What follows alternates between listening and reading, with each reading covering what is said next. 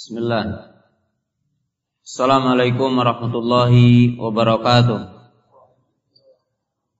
Alhamdulillah hamdan katsiran tayyiban mubarakan fi kama yuhibbu rabbuna wa yardah.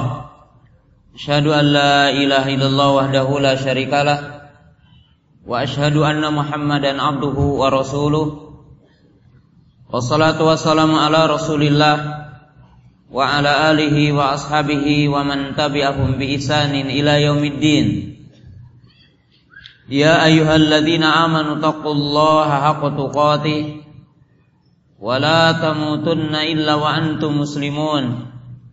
I'lamu rahimakumullah fa inna khairal hadithi kitabullah wa khairal hadi hadi Muhammad sallallahu alaihi wasallam wa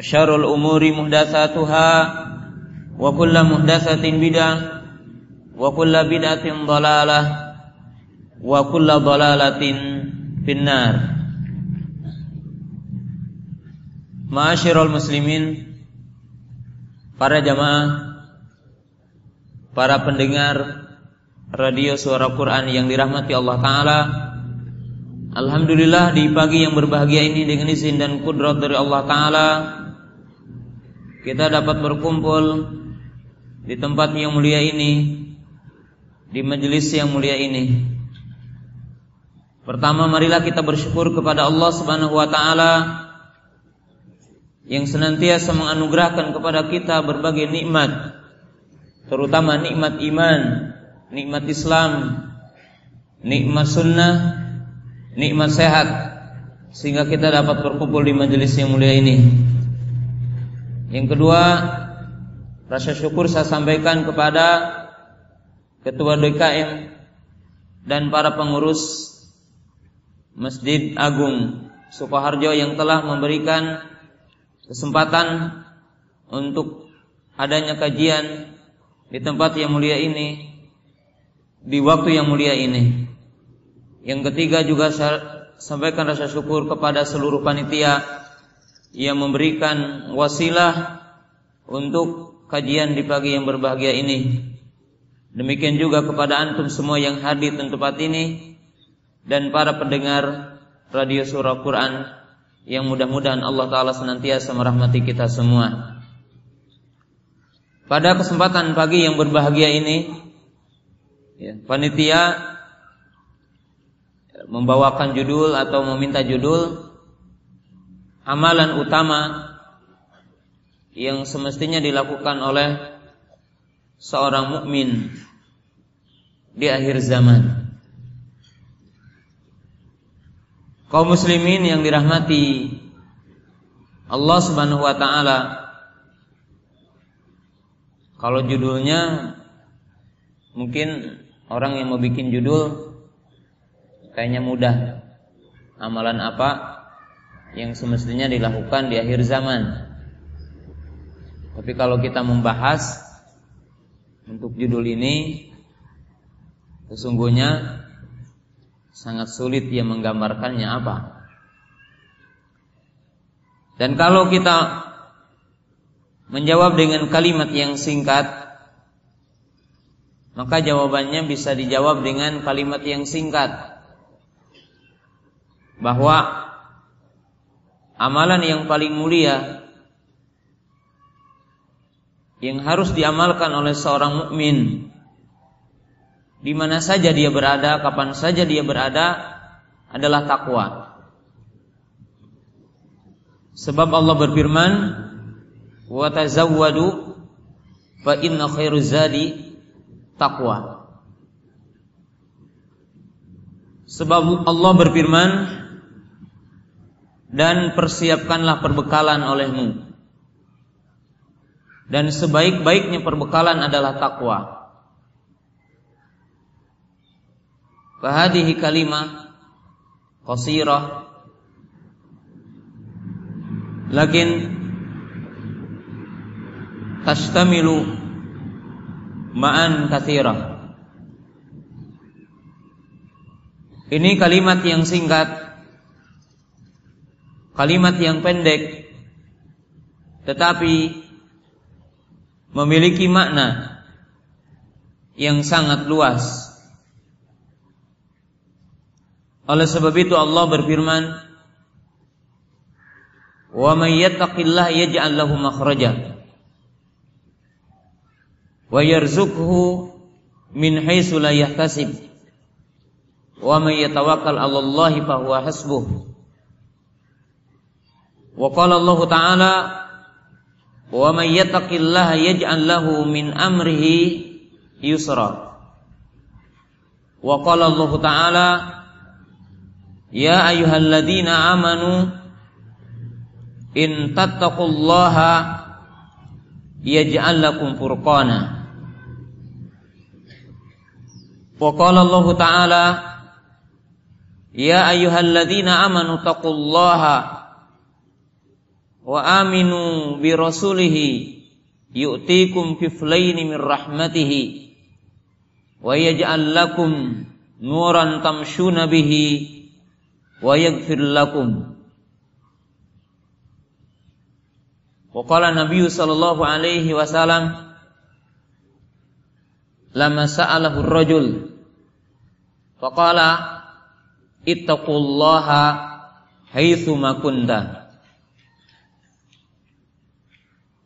Sesungguhnya judul tadi bisa dijawab dengan kalimat yang singkat. Amalan apa yang paling menyelamatkan seseorang di masa fitnah? Di masa munculnya berbagai bentuk keburukan yaitu di akhir zaman. Maka bisa dijawab dengan kalimat yang singkat. Amalan yang paling mulia adalah takwa. Karena Allah Ta'ala telah menjadikan takwa adalah sebaik-baik persiapan wa tazawwadu fa inna khairu zadi taqwa. Makanya Rasulullah sallallahu alaihi wasallam mewasiatkan takwa dalam berbagai tempat. Ketika mewasiati orang yang menikah, ketika mewasiatkan kepada para mujahid, ketika mewasiatkan kepada putri yaitu Fatimah radhiyallahu taala anha. Ketika beliau syakratul maut. Faqala Rasulullah sallallahu alaihi wasallam yabnati isbiri wattaqi fa inna ni'mas salab analaki wahai putriku bersabarlah dan bertakwalah karena sebaik-baik pendahulu adalah aku bagimu Wa qala Irbadi Musariyah wa adana wa adana Rasulullah sallallahu alaihi wasallam wajilat minhal qulub wa dharafat minhal uyun. Wa qala ka'annaha mau'idhatu muwaddi'in wa usina. Qala usikum bi taqwallahi azza wajal was-sam'i wa ta'ah wa in ta'amara 'alaikum 'abdun habasyiyun. Rasulullah SAW ketika di akhir hayat berwasiat kepada para sahabat dengan mengatakan kalimat takwa usikum bitaqwallahi azza wajal aku wasiatkan kepada kamu untuk bertakwa kepada Allah kemudian Allah taala berfirman dalam banyak ayat bahwa sebaik-baik jalan keluar adalah takwa takwa adalah sesuatu yang akan menyebabkan seseorang diberikan kemudahan Allah berfirman, "Wa may yattaqillaha yaj'al lahu makhraja." Barang siapa yang bertakwa kepada Allah, maka Allah akan memberi jalan keluar baginya. Wa may yattaqillaha yaj'al min amrihi yusra. Barang siapa yang bertawak, bertakwa kepada Allah, maka Allah akan menjadikan seluruh urusannya adalah mudah.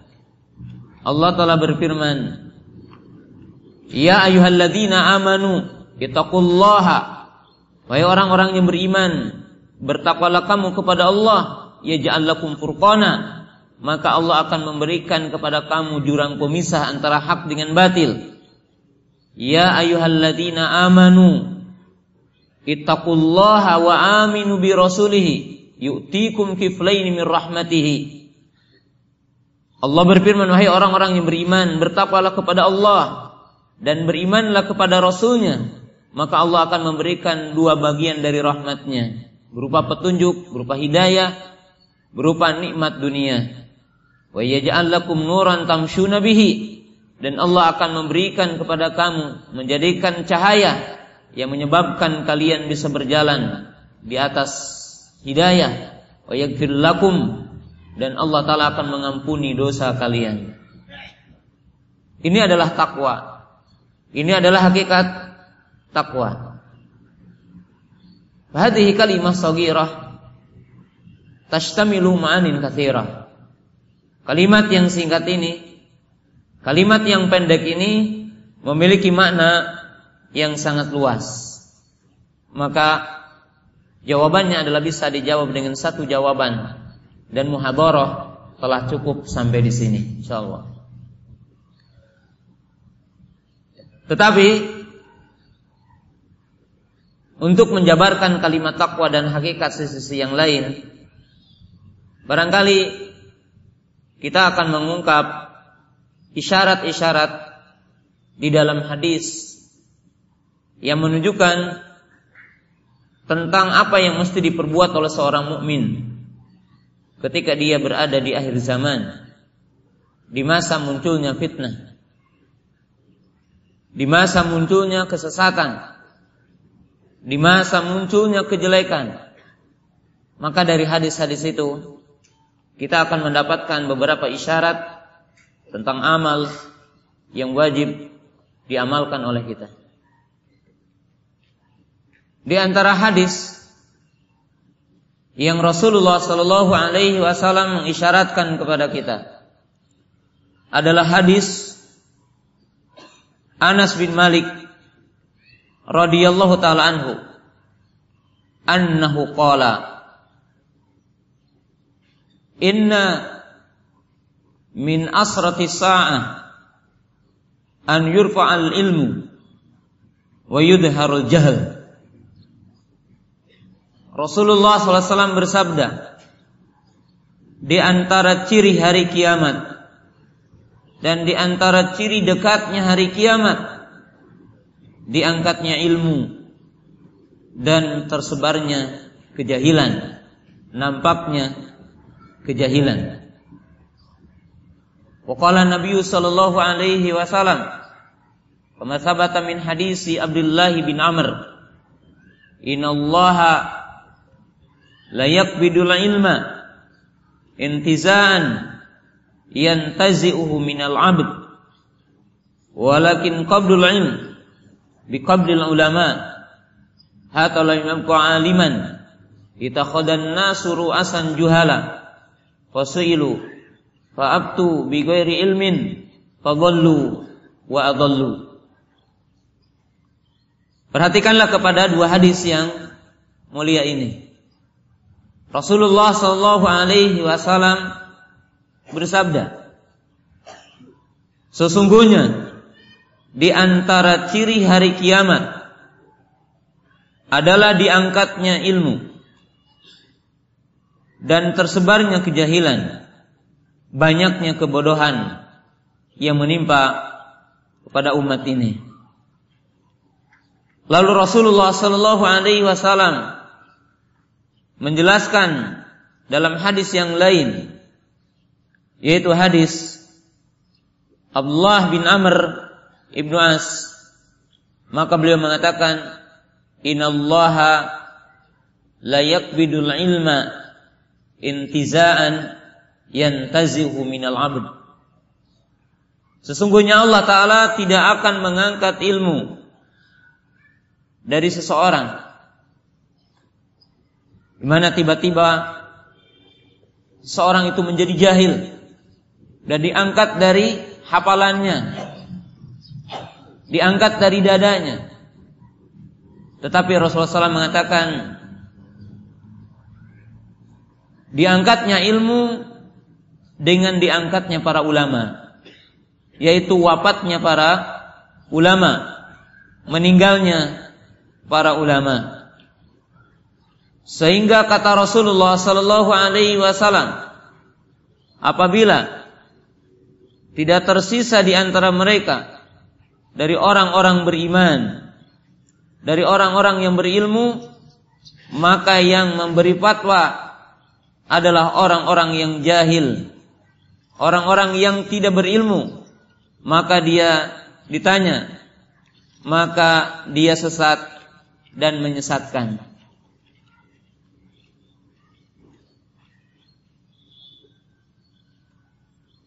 Al-hadithan yushirani ila syai'aini muhimain. Dua hadis ini menunjukkan kepada dua perkara yang sangat agung. Walaupun tentunya hadis ini adalah istimbatnya sangat banyak. Tetapi hadis ini menunjukkan kepada dua perkara yang sangat penting. Yang pertama, al-ihbar bima sayakunu fi akhir zaman min kilatil ilmi wa kilatil ulama. Wa hadhihi fitnah ra'sul fitan. Yang pertama, bahwa hadis ini menghabarkan kepada kita, memberitakan kepada kita bahwa di akhir zaman akan terjadi sedikitnya ilmu dan sedikitnya para ulama. Dan sedikitnya ulama dan sedikitnya ilmu merupakan pokok dari sumber seluruh fitnah. Merupakan pokok dari seluruh sumber kejelekan. Merupakan pokok dari setiap kesesatan, penyimpangan, fitnah, keburukan, kegoliman, dan seluruh keburukan kembali kepada jahil. Maka ini adalah isyarat yang pertama. Sedangkan isyarah yang kedua dari hadis ini adalah mengisyaratkan kepada kita annal afdal al amal fi hadzal waqt ala huwa al istihadu fi talabul ilmi wal hirsu fi talabul ilmi maka hadis ini memberikan isyarat memberikan penjelasan kepada kita bahwa di antara amal yang paling mulia di antara amal yang paling agung ketika munculnya masa seperti ini, ketika datangnya waktu seperti ini, adalah bersungguh-sungguh dalam mencari ilmu. Punya perhatian besar kepada ilmu. Mempelajarinya, mengajarkannya, mendakwahkannya. Oleh sebab itu ihwati iman yang dirahmati Allah Subhanahu wa taala keadaan salafus saleh ridwanullahi taala alaihim maka mereka menganggap ilmu lebih dibutuhkan ketimbang minum dan makan. Ilmu lebih dibutuhkan ketimbang air dan cahaya matahari. Apabila manusia memahami hidupnya manusia adalah berkaitan dengan air. Hidupnya manusia adalah berkaitan dengan cahaya matahari. Dan hidupnya manusia adalah berkaitan dengan makan dan minum. Maka salafus saleh ridwanullahi taala alaihim mereka memandang mereka berpendapat bahwa jiwa ini hidup ini lebih membutuhkan kepada ilmu ketimbang kepada itu semua. Walidzalika qala ba'du ashabi al-Imam Malik majlisu Malik khairu minad dunya wa ma fiha. Wa qala ashabu al-Imam Thawri majlisul Imam Thawri khairu minad dunya wa ma fiha. Wa qad habara fi majlisihi nahwa sab'ina alfan minal muslimin. Oleh sebab itu disebutkan dari murid-murid Imam Malik di mana mereka mengatakan majlis Imam Malik lebih baik ketimbang dunia dan seisinya. Berkata murid-murid Imam Thawri rahimahullahu taala, majlisnya Imam Thawri lebih baik ketimbang dunia dan seisinya. Lalu dikatakan telah hadir dalam majlis mereka tidak kurang dari 70 ribu kaum muslimin dalam majlisnya. Lihatlah bagaimana salafus soleh ridwanullahi taala alaihim dari kesemangatan mereka, dari kesungguhan mereka dengan ilmu dan bagaimana mereka memandang dunia dengan ilmu. Mereka memandang dunia ini adalah hina.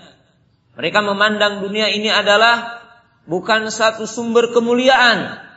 Mereka memandang bahwa ilmu adalah sumber kebaikan. Dan diriwayatkan ketika Al-Imam Ibn Mubarak rahimahullah taala yamshi ma'al malik dia berjalan dengan seorang raja lalu ditanyakan kaum muslimin pada waktu itu ainal malik ainal malik fa asyaru ila al-imam Ibnu Mubarak rahimahullahu taala. Oleh sebab itu, di masa Imam Ibnu Mubarak rahimahullahu taala, ketika kaum muslimin ditanya, mana sang raja? Mana tuan raja? Mana tuan raja? Maka kaum muslimin berisyarat kepada Al-Imam Abdullah Ibnu Mubarak rahimahullahu taala karena beliau adalah merupakan imam dan raja dalam ilmu sehingga kaum muslimin mengisyaratkan kepadanya. Ihwat iman yang dirahmati Allah Subhanahu wa taala. Maka amalan yang paling mulia, jihad yang paling mulia adalah tolabul ilmi. Oleh sebab itu diriwayatkan dari ulama salaf man lam yara al-gudu ila talabul ilmi laisa minal jihad faqad naqasa aqluhu. Oleh sebab itu telah warid dari ulama salaf barang siapa yang berpendapat bahwa berjalan mencari ilmu bukan jihad maka orang itu dianggap akalnya kurang sehat, dianggap orang yang bukan jenius, dianggap bukan orang yang baik akalnya.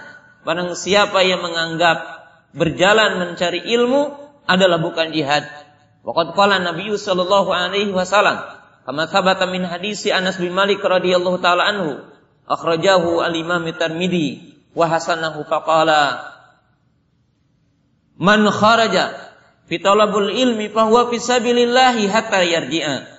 Rasulullah SAW bersabda, barang siapa yang keluar mencari ilmu, maka dia di jalan Allah Subhanahu wa taala. Jamaah yang dirahmati Allah Subhanahu wa taala. Sedangkan isyarah yang terdapat di dalam hadis ini juga menunjukkan kepada perkara yang sangat penting. Annal al amal. Fi hadzal waqt. Fi hadzal zaman. Al julus ma'al ulama. Al julus ma ahli ilmi. Bahwa di dalam hadis ini pun mengisyaratkan kepada kita kepada perkara yang sangat mulia, perkara yang sangat agung, yaitu di antara amal yang paling mulia, di antara sikap mukmin yang paling mulia, di masa munculnya penyimpangan, di masa dahsyatnya fitnah, syahwat dan syubhat, adalah duduk dengan orang-orang berilmu. Senantiasa kita bersama dengan orang-orang yang berilmu. Senantiasa kita berdekatan dengan orang-orang alim. Tawqiruhum wa ta'dhimuhum. Yaitu kita memuliakan mereka, mengagungkan mereka, menempatkan mereka pada kedudukannya. Karena Allah Ta'ala telah membesarkan kedudukan orang berilmu. Waqala Allah Ta'ala yarfa'illahu alladhina amanu minkum walladhina utul ilma darajat. Wa qala Allah Ta'ala narfa'u darajatin man nasha. Qala al-imamu darul hijrah wa huwa Imam Malik ay bil ilmi. Allah mengangkat derajat orang-orang yang beriman di antara kamu dan orang-orang yang berilmu dengan beberapa derajat. Di dalam ayat yang lain Allah berfirman, kami mengangkat derajat siapa yang kami kehendaki. Lalu Imam Malik rahimahullahu taala berkata, yang dimaksud yaitu dengan ilmu.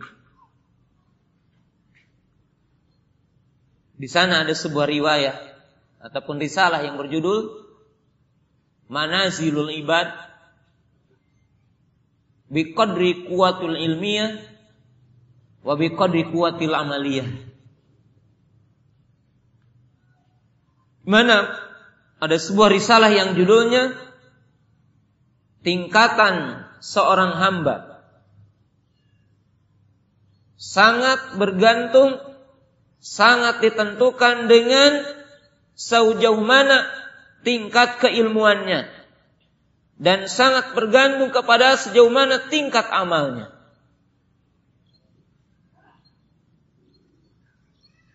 Maka yang paling layak kita muliakan, yang paling layak kita agungkan di antara penduduk bumi adalah ulama, orang-orang alim. Waqad qala Nabi sallallahu alaihi wasallam fadlul alimi 'alal 'abidi kafadil qamari lailatal badri 'ala sairil kawakibi. Wa qala Nabi sallam wa innal anbiya'a la yuwarithuna dinaran wala dirhama wa inna ma yuwarithuna al-ilma faman akhadha bihi faqad akhadha hadzin wafirin. Rasulullah SAW bersabda keutamaan orang berilmu dengan ahli ibadah adalah bagaikan bulan purnama dengan bintang-bintang yang ada. Sesungguhnya para nabi tidak mewariskan uang perak, tidak mewariskan uang emas, tetapi mereka mewariskan ilmu.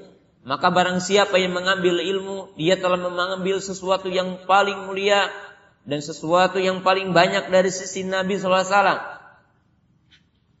Kemuliaan dari Nabi SAW adalah ilmu. Maka ihwati iman yang dirahmati Allah Ta'ala Di dalam hadis yang lain Nabi SAW mengatakan senantiasa manusia akan berada dalam kebaikan Selama mereka memuliakan orang berilmu Dan selama mereka memuliakan orang yang umurnya lebih tua darinya Jemaah yang dirahmati Allah Subhanahu wa taala, ini adalah maukif yang paling mulia. Maukif yang paling agung, amal yang paling agung. Ihwat iman yang dirahmati Allah Subhanahu wa taala. Dan saya akan berikan beberapa misal untuk dua perkara ini. Ya. Sebagai suri tauladan buat kita. Kita berikan contoh. Dan contoh ini mungkin sering kita dengar. Contoh yang pertama berkaitan dengan ilmu. Bagaimana Jabir ibnu Abdullah berjalan satu bulan demi satu hadis. Bagaimana Ibnu Qasim rahimahullahu taala meninggalkan istrinya yang sedang hamil. Lalu dia berjalan menjadi seorang muhadis selama 19 tahun. Dan dia tidak ketemu dengan anaknya kecuali setelah dia anaknya berumur 19 tahun dan duduk di majelisnya. Lihat kesemangatan salafus soleh dengan ilmu. Lihat bagaimana penjagaan mereka terhadap ilmu. Sehingga lebih sedikit fitnah yang ada di antara mereka. Lebih sedikit syubhat yang masuk di sekitar mereka disebabkan kuatnya kesemangatan di dalam ilmu. Seorang muhadis yang merupakan murid Imam Ahmad rahimahullahu taala yang dikenal dengan Baki Ibnu Makhlad rahimahullahu taala. Ini dikisahkan dalam kitab Syiar Alam Nubala. Bagaimana? Di masa terjadinya fitnah khalqul Quran. Di mana sang Amirul Mukminin di zaman Imam Ahmad mengatakan Quran adalah makhluk. Sehingga Imam Ahmad dipenjara dan para ulama ahli sunnah difitnah mendapatkan musibah, siksaan, deraan dan di antara mereka dipenjara. Maka seseorang yang bernama Baki bin Mahlad dia dari Andalus. Rajulun miskin. Seseorang yang miskin. Dia ingin ketemu dengan Imam Ahmad mengambil hadis dari Imam Ahmad rahimahullah taala. Waktu itu belum ada pesawat, belum ada kereta api, belum ada mobil dan belum ada perahu. Atau belum ada apa yang dinamakan dengan kapal laut. Maka dia mengarungi lautan sampai ke Maroko. Berjalan sampai ke Maroko. Lalu dari Afrikia berjalan kaki sampai ke Baghdad, ke Irak. Sesampai dia di Irak, dia bertanya, "Aina majlisu al-Imami Ahmad?" Di mana majelis Imam Ahmad yang dia menyampaikan hadis. Jadi yang dia menyampaikan hadis. Maka orang-orang mengatakan, sayang, kamu datang ke sini bukan waktu yang tepat. Imam Ahmad sedang dalam tahanan rumah. Maka dia tidak berhenti. Di situ dia berpikir, bagaimana untuk mendapatkan hadis dari Imam Ahmad? Sedangkan rumah Imam Ahmad sedang dijaga oleh para penggawa kerajaan supaya tidak ada seorang tolabul ilmi yang mengambil hadis darinya. Maka Baki Ibnu Mahlad rahimahullah taala berpura-pura menjadi seorang pengemis. Bajunya compang-camping, kemudian kepalanya diikat dengan imamahnya dan membawa tongkat. Lalu penjaga rumah Imam Ahmad membiarkannya karena dia dianggap seorang pengemis. Maka dia mengetuk pintu rumah Imam Ahmad rahimahullah taala. Lalu Imam Ahmad berkata, "Aku menyangka engkau bukan orang sini." Dari sisi perangi dan wajah bukan orang sini. Kamu orang Afrika. Kata dia, aku lebih jauh dari apa yang kau sangka. Dari mana kamu? Saya dari Andalus. Buat apa kamu ke sini? Kata dia, aku ingin mengambil hadis darimu. Kata Imam Ahmad, maaf, hari ini aku dilarang untuk menyampaikan hadis. Maka dia pun tidak berhenti. Karena kesungguhan mencari ilmu. Maka dia mengatakan, sungguh aku punya hilah. Aku punya cara untuk mendapatkan hadis darimu. Aku punya siasat. Bagaimana cara kamu akan mendapatkan hadis dariku? Dia mengatakan, aku akan datang kepada kamu, kepada engkau seperti gini. Dan aku akan membawa alat tulis dan kertas di bawah kainku ini. Maka kata sang imam, silahkan. Kalau memang kamu bisa. Maka beliau melakukannya berhari-hari sehingga diriwayatkan oleh Imam Ad-Dahabi dalam siaran alam nubala maka berkumpulah dan dia bisa mengumpulkan hadis 300 hadis. Berhari-hari. 300 hadis. Sampai Allah taala membukakan kesulitan kepada Imam Ahmad. Dan dimerdekakan Imam Ahmad dikeluarkan dari penjara. Dan dibolehkan lagi menyampaikan hadis. Maka Imam Az-Zahabi meriwayatkan bahwa tidaklah Imam Ahmad mengajarkan hadis kecuali dia menceritakan bagi Muhammad rahimahullahu taala. Ini lihat salafus saleh dengan ilmu dan bagaimana perjalanan mereka dengan ilmu. Al ilmu yu'ta, ilmu itu adalah didatangi. Tetapi hari ini ilmu adalah datang di tengah-tengah kali antum. Ini adalah perbedaan antara kita dengan salafus saleh ridwanullahi taala alaihi. Nah. Contoh yang ketiga, atau contoh yang keempat. Lihatlah di hadis yang pertama dalam sahih Muslim yang memberikan isyarat kepada contoh yang sangat agung ini. Seorang tabi'in yang bernama Yahya ibnu Ya'mar dan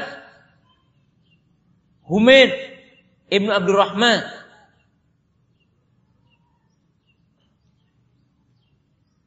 telah terjadi di daerahnya yaitu Basrah. Pada waktu itu adalah Basrah karena di situ sumber apa? Fitnah.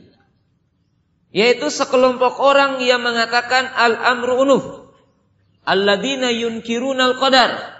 Alladzina yunkiruna ilmu Allah sekelompok orang yang mengingkari tentang takdir, mengingkari tentang ilmu Allah. Mereka mengatakan Allah tidak tahu kecuali setelah terjadinya sesuatu itu.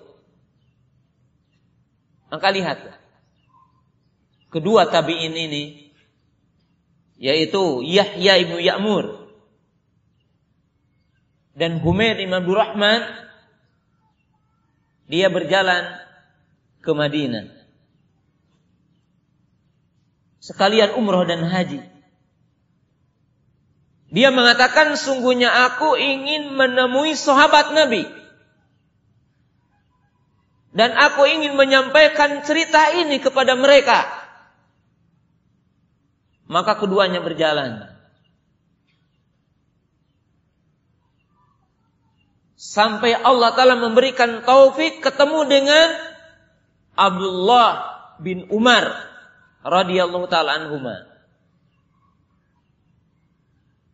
Lalu keduanya menghampiri Abdullah bin Umar dengan adab yang sangat mulia. Salah seorang di antara mereka di sebelah kanan, salah seorang di antara mereka di sebelah kiri. Sebab dalam riwayat Muslim itu tidak disebutkan siapa yang di sebelah kanan dan siapa yang di sebelah kirinya. Lalu yang lebih tua di antara keduanya berkata, "Iya Aba Abdurrahman." Karena kunyahnya Abdullah bin Umar adalah Abu Abdurrahman. Di antara nama anaknya adalah Abdurrahman. Iya Aba Abdurrahman. Dia mengkisahkan sesungguhnya di daerahku Sesungguhnya di Basra telah muncul orang yang mengatakan al-amru unuf. Faqala Abdullah bin Umar radhiyallahu taala anhu anhuma. Lalu berkata Abdullah bin Umar, Seandainya kalian ketemu dengan mereka, fa'akhbirhum anni bari'um minhum wa hum bari'un minni. Maka Abdullah bin Umar mengatakan, kalau kamu ketemu lagi dengan mereka, sampaikan kata-kata dariku. Sesungguhnya aku berlepas diri dari mereka, sebagaimana berlepas diri mereka dari aku. Lalu dia mengatakan, Wallahi, lau anfaqa ahaduhum zahaban misla uhudin la yaqbalullahu minhum hatta yu'mina bil qadar. Fa inni sami'tu min abi. Yani Umar bin Khattab al hadis at-tawil. Maka Abdullah bin Umar mengatakan, sampaikan juga kepada mereka seandainya mereka mengsodakokan, berzakat atau berinfak dengan emas sebesar gunung Uhud maka Allah tidak akan menerima dari mereka sehingga mereka beriman kepada takdir. Karena aku mendengar dari Nabi SAW itu hadis yang panjang tentang ketika ditanya tentang hadis Jibril mal iman qala al iman an tu'mina billahi wa malaikatihi wa kutubihi wa rusulihi wal yaumil akhiri wa an tu'mina bil qadari khairihi wa syarrihi. Hadis ini punya faidah yang sangat agung dengan maudhu yang kita bahas ini. Lihatlah kedua tabi'in ini ketika muncul di antara mereka fitnah. Ketika muncul di tengah-tengah masyarakat mereka keburukan, maka mereka melakukan rihlah demi mencari ilmu. Melakukan perjalanan yang sangat agung, melakukan jihad yang sangat besar yaitu tolabul ilmi. Beliau mengatakan kami ingin langsung mendengar dari sahabat yang mereka belajar dari Nabi SAW untuk menghukumi mereka ini. Apa untuk hukum mereka ini? Ini menunjukkan apa? Di antara amal yang paling mulia. Di antara amal yang paling agung. Ketika muncul fitnah adalah bertanya, duduk, istifsar kepada ulama. Pada orang alim. Bagaimana ini adalah seorang tabi'in kibar. Tabi'in yang mulia, tabi'in yang sangat agung. Seorang muhadis. Ia berdatang berdua. Kemudian Abdullah bin Umar radhiyallahu taala memberikan pelajaran yang sangat agung. Hal annahu yahkumu bi aqlihi? Hal annahu yatakallam min nafsihi min aqlihi? Kemudian kita lihat bagaimana Abdullah bin Umar apakah menghukumi mereka dengan akalnya? Menghukumi mereka dengan hawa nafsunya? Tidak. Maka beliau mengatakan, Ketika menghukumi kafir orang yang mengingkari ilmu Allah. Ketika menghukumi kafir orang yang mengingkari takdir. Berkaitan dengan ilmu. Maka Abdullah bin Umar mengatakan. Sesungguhnya aku telah mendengar dari bapakku. Bahwa Rasulullah SAW bersabda begini-begini. Nah, ini menunjukkan ihwatu iman yang dirahmati Allah Ta'ala. Bahwa kebaikan bersumber dari ilmu dan bersumber dari ahlinya. Dan menunjukkan dari hadis-hadis yang tadi, demikian juga hadis ini, bahwa ketika orang menjawab agama, menjelaskan agama, tidak dengan ilmu, dan bukan dari ahlinya, maka akan terjadi keburukan sebagaimana diisyaratkan dalam hadis tadi, hadis Abdullah bin Amr bin As radhiyallahu taala anhumah. Dan ini adalah pelajaran yang sangat agung mengisyaratkan isyarat yang sangat besar. Bagaimana kedua tabi'in ini berjalan sengaja ke Madinah dari Basrah menunaikan umrah, menunaikan haji, ingin bertemu dengan Abdullah bin Umar radhiyallahu taala anhu. Iman yang dirahmati Allah taala. Maka ini adalah amal yang paling mulia amal yang paling agung yang semestinya seseorang lakukan hari ini. Para talabatul ilmi, para pendengar radio surah Quran yang dirahmati Allah Subhanahu wa taala. Ini adalah hadis yang pertama. Kemudian merupakan amal yang mulia yang wajib dilakukan oleh seorang mukmin ketika munculnya fitnah. Hadis yang kedua adalah hadis Abu Hurairah radhiyallahu taala anhu. Qala Rasulullah sallallahu alaihi wasallam Satakun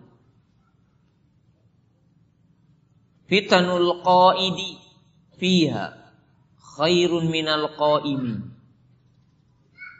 wal qaimu khairun minal mashi. Wal mashi fiya khairun minas sa'i.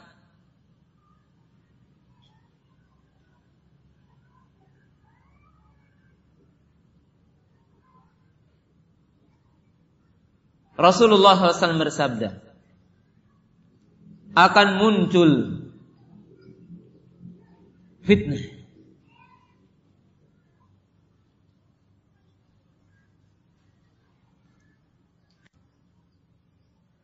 Yang beliau mengatakan bahwa fitnah orang yang berdiri lebih baik ketimbang yang duduk.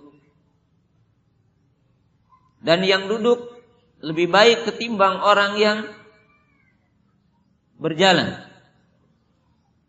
Dan orang yang berjalan lebih baik dengan orang yang lari.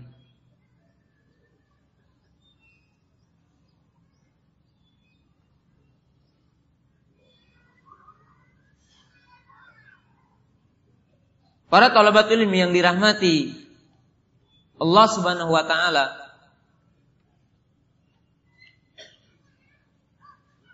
Hadis ini menunjukkan bahwa fitnah dalam satu masa itu adalah dahsyat.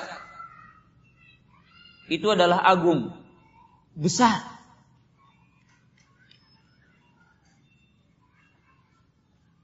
Maka hadis ini mengisyaratkan kepada hal yang sangat agung. Dan di sini juga kita memahami dua sisi. Sebagaimana kita memahami hadis yang pertama.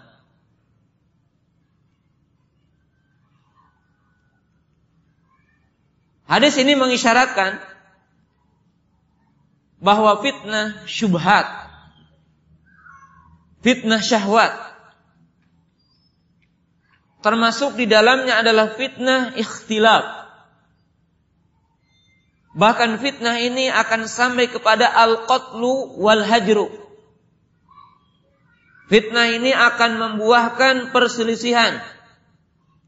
Bahkan fitnah ini akan membuahkan peperangan dan pembunuhan.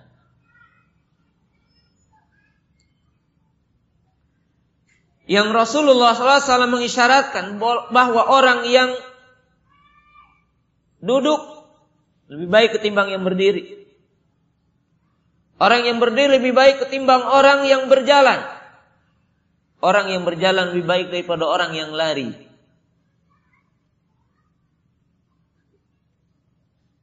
Maka ihwat iman yang dirahmati Allah Ta'ala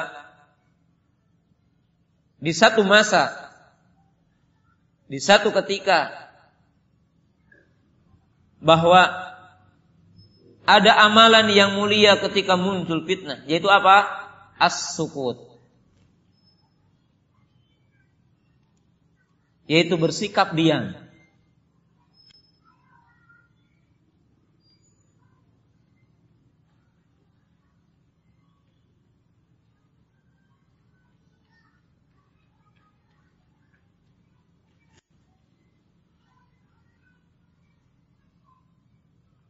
Iwat iman yang dirahmati Allah Subhanahu wa taala. Dan di sini ada sejarah bagi kita semua. Para sahabat ridwanullahi taala alaihim ketika awal muncul fitnah yang terjadi di tengah-tengah kaum muslimin seperti fitnah terbunuhnya Utsman ibnu Affan radhiyallahu taala Fitnah waqatil jamal. Fitnah waqatus sifin. Seperti terjadinya fitnah terbunuhnya Utsman ibnu Affan radhiyallahu taala anhu. Terjadinya perang Jamal. Terjadinya perang Siffin dan apa yang terjadi di zaman kehilafahan Ali radhiyallahu taala anhu.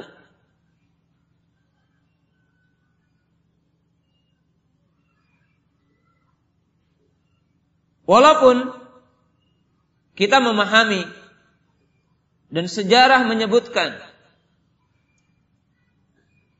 bahwa di antara dua istihad antara Ali dengan Muawiyah maka yang lebih tepat istihadnya adalah Ali radhiyallahu taala anhu. Ketimbang istihadnya Muawiyah. Berkaitan dengan masalah pembunuh Utsman radhiyallahu taala anhu. Maka terjadi perbedaan antara Ali dengan Muawiyah. Tetapi ingat perbedaan antara Ali dengan Muawiyah bukan berkaitan dengan kedudukan hilafahnya bukan berkaitan dengan imamahnya. Karena Muawiyah radhiyallahu taala anhu berkata, Sebagaimana diriwayatkan dengan riwayat yang sahih bahwa Muawiyah berkata, sesungguhnya aku mengetahui wahai Ali bahwa engkau ada lebih baik dariku dan lebih abdul dariku dan aku pun tidak meminta keimamahan, tidak minta kehilafahan. Hanyalah aku adalah meminta darah. Itu apa? Kenapa? Sebab wajar jika seandainya aku adalah dengan Utsman adalah anak pamannya. Maka aku meminta untuk ditegakkan kisos kepada pembunuh Utsman ibn Affan radhiyallahu taala anhu. Nah, maka mu'dhamu sahabah kebanyakan para sahabat ketika muncul terjadi fitnah ini Babadu kibari sahabah as-sukut. Maka sebagian pembesar para sahabat adalah berdiam. Karena ihwat iman yang dirahmati Allah Ta'ala bahwa terkadang dalam satu ketika, dalam satu masa bahwa orang yang diam baik dan lebih baik ketimbang orang yang menghadap. Ihwat iman yang dirahmati Allah Subhanahu wa taala. Dan di sini juga menunjukkan dengan hadis-hadis yang lain bahwa yang dimaksud dengan as-sukut bimakna at-ta'anni wa ta'aqqud qabla al-qawli wal amal hatta tatahaqqaqu masalih watantafil mafasid. Dan di antara amalan yang paling mulia yang diisyaratkan dengan hadis seperti ini dan yang lainnya bahwa di masa terjadinya keburukan, di masa terjadinya fitnah, maka seseorang itu tidak melakukan perbuatan dan tidak melakukan amalan dan tidak mengucapkan satu ucapan kecuali setelah dia betul-betul mempertimbangkan tentang maslahatnya dan dia mengetahui madaratnya tiada atau setidaknya adalah sedikit. Ihwat iman yang dirahmati Allah Subhanahu wa taala.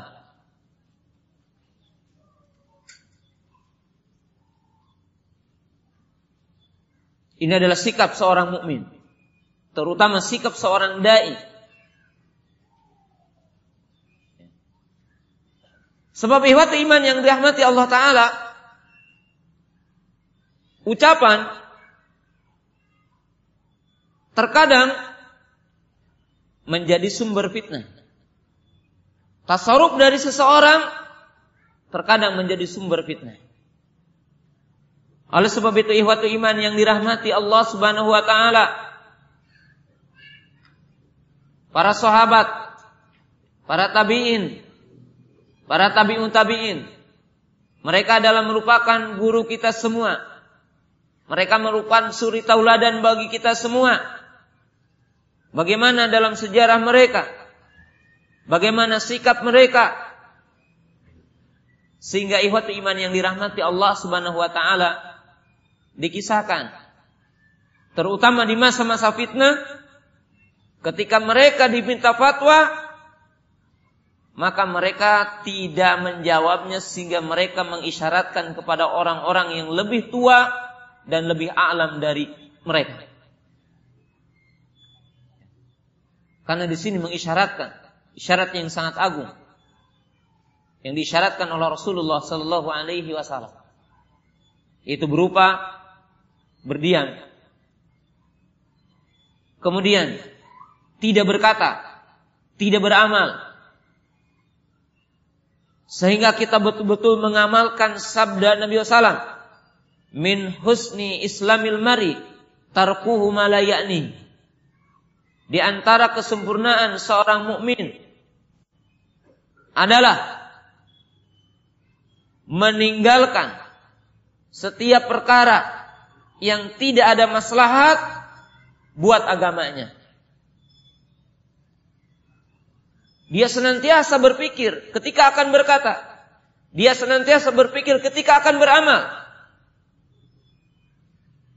Ikhwat iman yang dirahmati Allah Ta'ala. Dan yang paling berbahaya di masa munculnya fitnah di mana orang berkata dengan seukuran khobar yang sampai kepadanya. Dengan seukuran berita yang sampai kepadanya. Maka ini adalah sumber kerusakan. Kemudian, di antara sumber kecelakaan di masa fitnah, dia berkata dengan semata-mata emosional untuk menjawab, untuk membantah, dan dia tidak melihat masalahnya termasuk sumber kecelakaan, sumber keburukan, dan sumber besarnya fitnah. Di mana seseorang berbuat mimbabi rodul fi'il bil fi'il. Seperti kata orang mengatakan melakukan perbuatan dengan alasan balas dendam. Kenapa melakukan ini? Karena saudara kita telah dibeginikan. Kenapa Anda melakukan ini? Karena saudara kita di Palestina melakukan ini. Dilakukan begini. Karena orang-orang saudara kita di Irak dilakukan begini. Maka saya melakukan ini adalah balas dendam. Atau yang sejenisnya dan sejenisnya. Maka ihwatu iman yang dirahmati Allah Ta'ala. Sebaik-baik amal. Di masa fitnah adalah orang yang ketika dia berkata. Yang ketika dia beramal. Telah memperhitungkan maslahat yang dia lihat dan telah memperhitungkan mafsadat yang dia prediksi dari apa yang akan dikatakan dan apa yang akan diperbuatnya. Ihwat iman yang dirahmati Allah Subhanahu wa taala. Kita lihat sejarah di sini. Tadi ketika Imam Ahmad rahimahullahu taala di penjara dan ini adalah ulama besar. Beliau didera Beliau diikat. Apakah kaum muslimin di zamannya melakukan sesuatu karena sebagai tanda kecintaan kepada Imam Ahmad? Ketika Imam Ahmad rahimahullahu taala didatangi oleh sekelompok kaum muslimin yang Imam Al-Mawarzi mengatakan kami tidak tahu tentang jumlah mereka. Mereka menuntut kepada Imam Ahmad untuk memberontak. Mereka menuntut kepada Imam Ahmad untuk mengisyaratkan agar mengangkat senjata kepada Amir di masanya. Maka Imam Ahmad rahimahullahu taala Walaupun dia telah melihat begitu banyaknya kaum muslimin yang ada di belakangnya. Kemudian dia telah merasakan musibah yang menimpa kepadanya. Siksaan yang menimpa kepadanya. Tetapi dia memprediksi maslahat. Maka dia memerintahkan kepada seluruh kaum muslimin untuk bersabar. Maka memerintahkan kepada kaum muslimin untuk tetap mengikuti apa yang dilakukan oleh salafus saleh. Itu apa? As-sabru. Sabar kepada keboliman imamnya. Dan buah dari perbuatan ini dan buah dari sikap Imam Ahmad rahimahullahu taala dengan berpikir panjang dengan memprediksi maslahat Madarat yang akan ditimbulkan memerintahkan sabar maka dengan tamasuknya berpegang teguhnya kepada sunnah maka Imam Ahmad rahimahullahu taala tidak lama dibukakan oleh Allah taala dan dikeluarkan. Bahkan sang amir telah berubah mengatakan Quran adalah kalamullah dan menjadikan Imam Ahmad sebagai guru besar setelahnya Lihat ihwati iman yang dirahmati Allah Ta'ala. Sikap seorang ulama besar. Ketika munculnya fitnah. Ihwati iman yang dirahmati Allah Subhanahu wa taala. Hadis yang ketiga.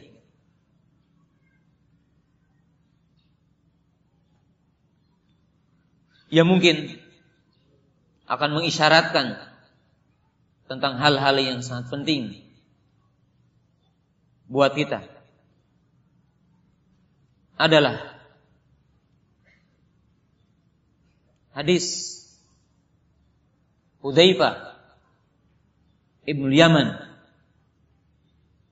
radhiyallahu taala anhu. Hadis ini adalah hadis yang sangat panjang dan kita insya Allah sering mendengarnya.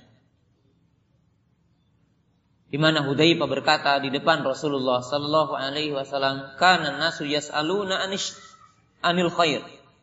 wa kuntu as'aluhu anisyar makhafatan an yudrikani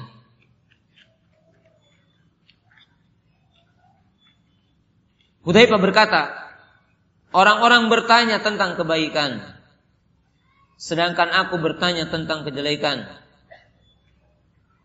Sebab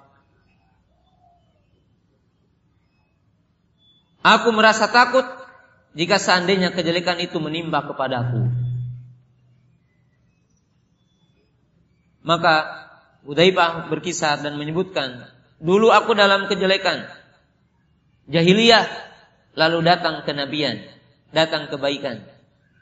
Apakah setelah kebaikan ini akan datang kejelekan? Maka baginda Rasulullah mengatakan, nah. Lalu pokok bahasan dalam hadis ini. Faqala Hudaibah. Fahal min ba'dil syarri min khairin Iya Rasulullah Qala na'am Walakin fihi dakhonun Qala wa ma ya Rasulullah Qala qaumun yastannuna bi ghairi sunnati wa yahduna bi ghairi hadi Qala Fahal min badil khairi fihi dakhonun min syarrin Qala na'am Du'atun ala abwabi jahannam man ajabuhu qadafuhu fiha. Qala sibhum lana ya Rasulullah. Qala hum min jildatina wa yatakallamu bi alsinatina. Qala famada ta'muruni in adraktu dalik. Qala talzam jama'atal muslimina wa imamahum. Al hadis. Apakah setelah masa kebaikan akan datang masa kejelekan? Maka Nabi SAW mengatakan iya. Apakah setelah masa kejelekan akan datang masa kebaikan? Maka Rasulullah SAW mengatakan iya, tetapi ada kabutnya. Lalu Nabi SAW ditanya apa kabutnya? Maka Nabi SAW menjawab, yaitu munculnya orang-orang yang mengambil suri tauladan bukan dariku dan mengambil petunjuk bukan dariku. Yang dimaksud di sini munculnya ahlu bidah. Apakah setelah masa kebaikan yang ada kabutnya akan datang masa kejelekan? Maka Rasulullah SAW mengatakan iya. Yaitu munculnya para penyeru yang menyeru ke jurang api neraka. Siapa yang men, apa memenuhi ajakan mereka, maka dia akan dijerumuskan kepada api neraka. Lalu Hudzaifah bertanya, apa yang engkau perintahkan kepadaku jika seandainya aku mendapatkan masa ini? Maka Rasulullah SAW mengatakan komitmenlah, tapakilah, ikutilah jamaah kaum muslimin dan imam mereka. Lalu Hudzaifah bertanya lagi, bagaimana aku jika tidak mendapati imam, tidak mendapat jamaah? Faqalat fa'tazil tilkal kullaha. Tinggalkanlah firqah-firqah itu. Walaupun kau ya mati dalam keadaan memakan akar-akar dan engkau seperti itu tetap dalam keadaan istiqomah. Jadi dalam keadaan apa? Istiqomah. Nah. Hadis ini memberikan isyarat kepada apa yang kita sedang bahas. Dan kita juga akan mengisyaratkan buku ini. Sebagaimana hadis-hadis sebelumnya. Isyarat yang pertama bahwa hadis ini memberikan kabar, berita berupa kasih sayang Rasulullah SAW kepada kita bahwa akan muncul fitnah yang sangat besar yang menimpa kepada umat ini. Yaitu yang dinamakan fitnah syubhat, fitnah syubhat. Dan ahlinya. Yaitu yang memunculkan syubhat ini. Yang memunculkan penyimpangan yang memunculkan kesesatan. Mereka adalah para pemimpinnya. Mereka adalah wali-walinya.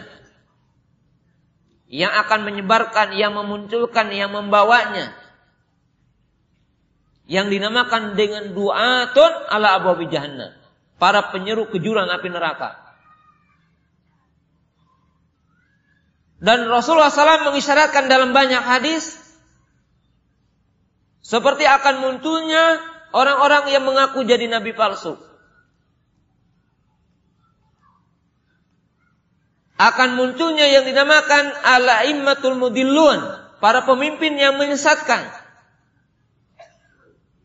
Di dalam hadis yang lain disebutkan yaitu apa? Munafik ali mulisan, orang-orang munafik yang lisannya pandai, membuat rekayasa menyebarkan syubhat di tengah-tengah umat ini. Ini disyaratkan oleh Nabi SAW dalam banyak hadis. Dan ini adalah bentuk kasih sayang dari Nabi Shallallahu Alaihi Wasallam. Nah. Maka di antara amalan yang paling mulia yang merupakan syarat yang kedua di hadis ini, amalan yang paling mulia di masa fitnah di akhir zaman adalah luzumul jamaah. Komitmen kepada jamaah. Tetapi orang-orang berbeda-beda dalam mengartikan luzumul jamaah. Apa yang dimaksud komitmen kepada jamaah? Di antara sebagian kaum muslimin ada yang mereka sibuk mengangkat para pemimpin. Lalu mereka mencocokkan hadis ini dengan kata-kata jamaah. Siapa yang keluar dari jamaahnya keluar dari hadis ini. Maka ihwatu iman yang dirahmati Allah Ta'ala Para ulama Seperti Imam Syatibi rahimahullahu ta'ala Dan Imam Al-Qurtubi rahimahullahu ta'ala Dan para ulama yang lainnya Mereka mengartikan jamaah Kepada lima makna Yang itu warid dari ulama salaf dari para sahabat, dari para tabi'in. Maka yang dimaksud dengan komitmen kepada jamaah yang disebut merupakan amalan yang terbaik adalah diterjemahkan oleh para ulama tidak lepas dari lima. Yang pertama yang dimaksud dengan jamaah humus sahabat. Mereka adalah para sahabat. Maka yang dimaksud dengan komitmen kepada jamaah adalah komitmen kepada jalannya para sahabat mengikuti jejak para sahabat. Oleh sebab itu ihwatu iman yang dirahmati Allah taala Al-Imam Al-Mubarakfuri rahimahullahu taala menjelaskan dalam syarah Sunan Tirmidzi. Beliau mengatakan bahwa kalimat yang menunjukkan jamaah adalah mereka adalah para sahabat Nabi Shallallahu Alaihi Wasallam. Yang kedua yang dimaksud dengan adalah al ulama al mustahidun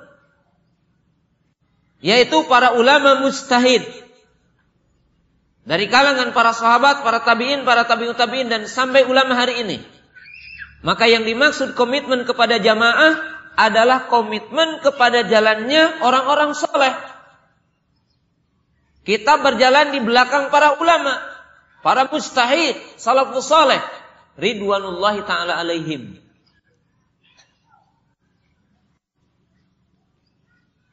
Sedangkan yang ketiga yang dimaksud dengan al-jamaah ia as-sawadul a'zam. Yang dimaksud dengan jamaah mereka adalah sawadul a'zam, kelompok yang banyak. Yang dimaksud di sini adalah ahlul haq. Pembawa kebenaran. Dan di antara makna jamaah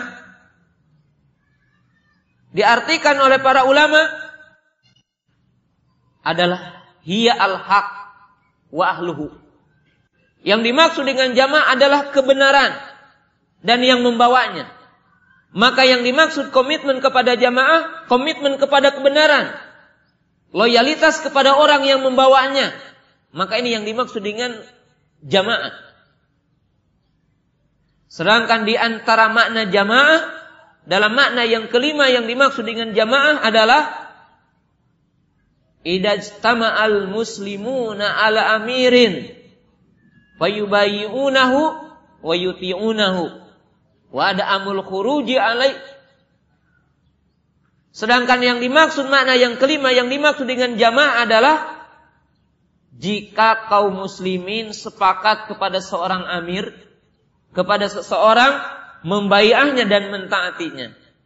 Maka yang dimaksud dengan jamaah adalah amirul mukminin, pemimpin mukmin yang di tangannya bayah, yang di tangannya stabil politik, yang di tangannya kekuasaan, maka dia dinamakan dengan jamaah. Maka para ulama mengatakan kalau disimpulkan makna jamaah adalah memiliki dua makna.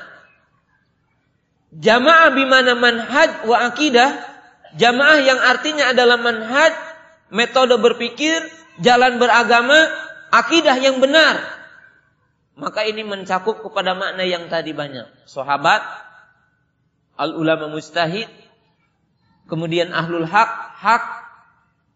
Sedangkan yang kedua yang dimaksud dengan jamaah adalah taat, komitmen kepada Amirul Mukminin dalam perkara yang ma'ruf, tidak memberontak, tidak keluar darinya selama dia adalah mukmin.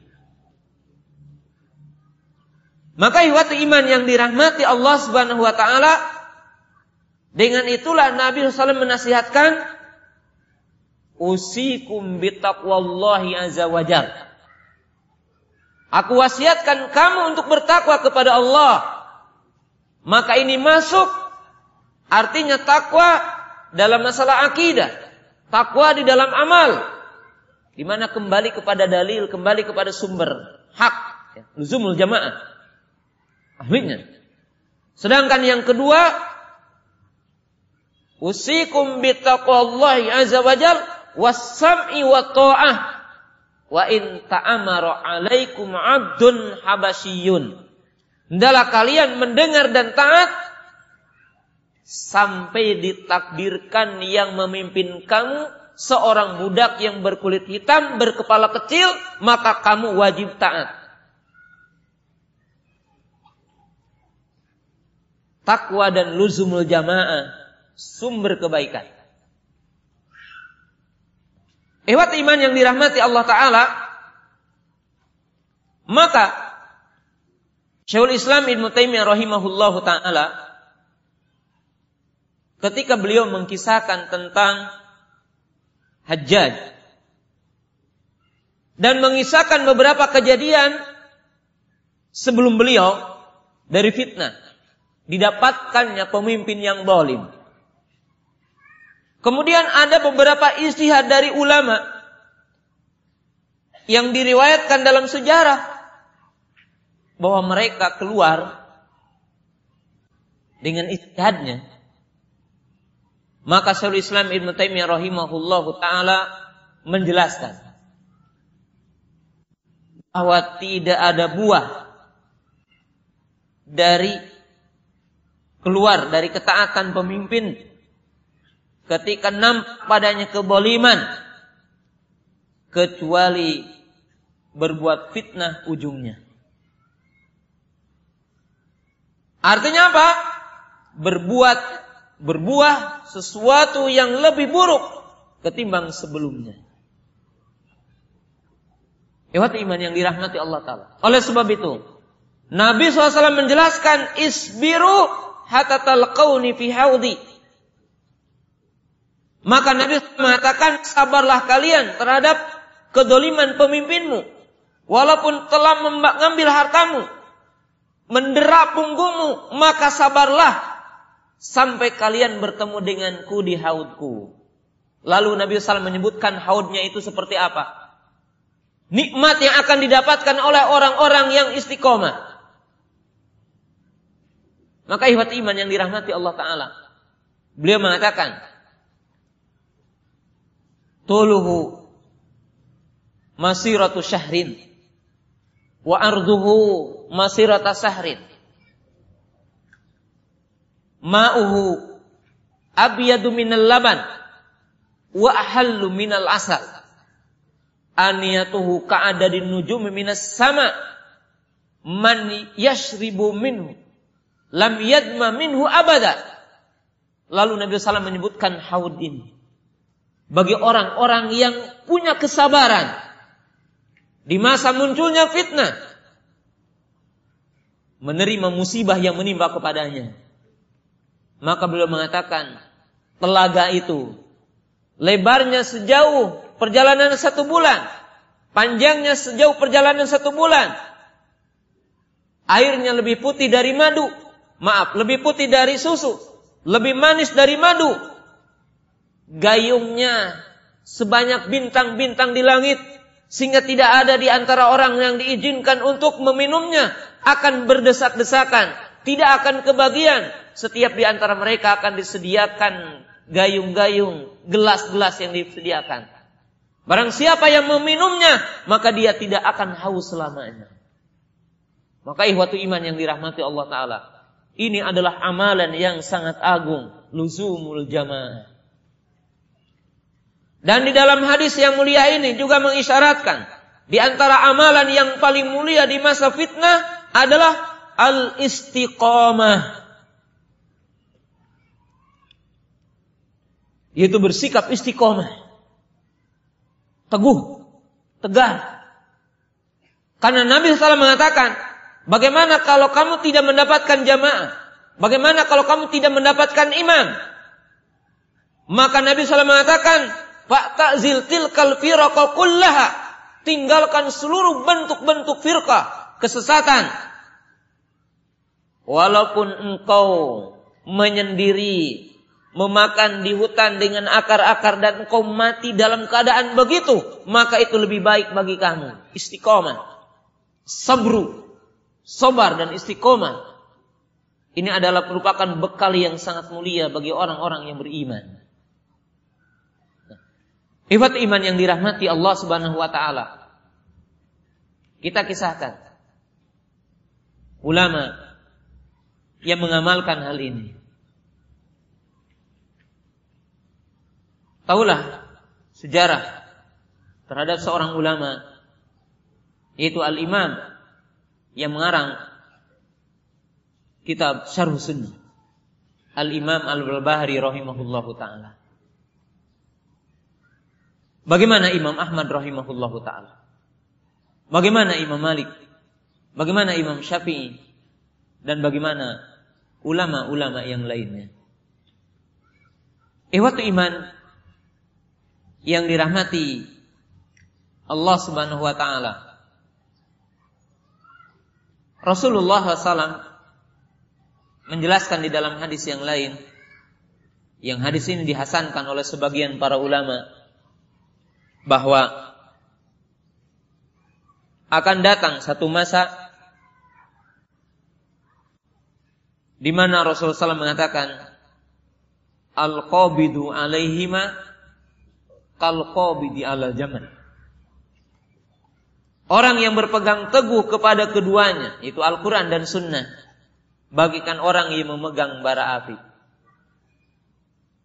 Waqala Al-Imam Auza'i rahimahullahu taala Alaikum bi athari man salaf wa in rafadakan nas wa iyyaka wa ara'ir rijal wa in zahrafalakal kaulu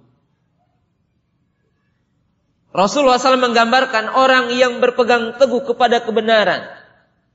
Orang yang istiqomah adalah bagaikan orang yang, member, yang memegang bara api.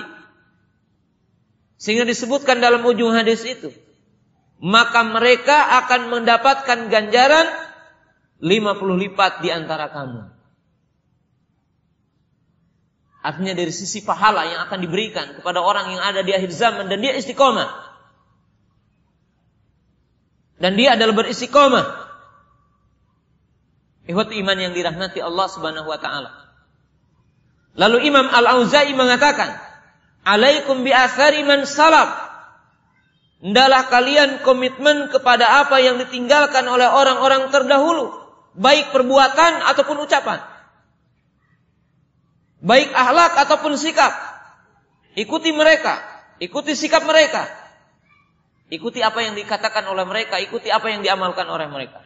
Walaupun kalian akan dihinakan, akan dikucilkan. Dan hati-hatilah dalam setiap perkara yang baru yang dimunculkan oleh orang-orang yang baru. Walaupun mereka menghiasi ucapan mereka dengan kata-kata yang baik. Maka ini adalah istiqomah. Adalah amalan yang terbaik. Amalan yang sangat mulia. Jamaah yang dirahmati Allah Ta'ala Hadis yang terakhir Karena waktunya tidak mencukupi untuk pertanyaannya Hadis yang terakhir Adalah hadis Hudaifah radhiyallahu taala anhu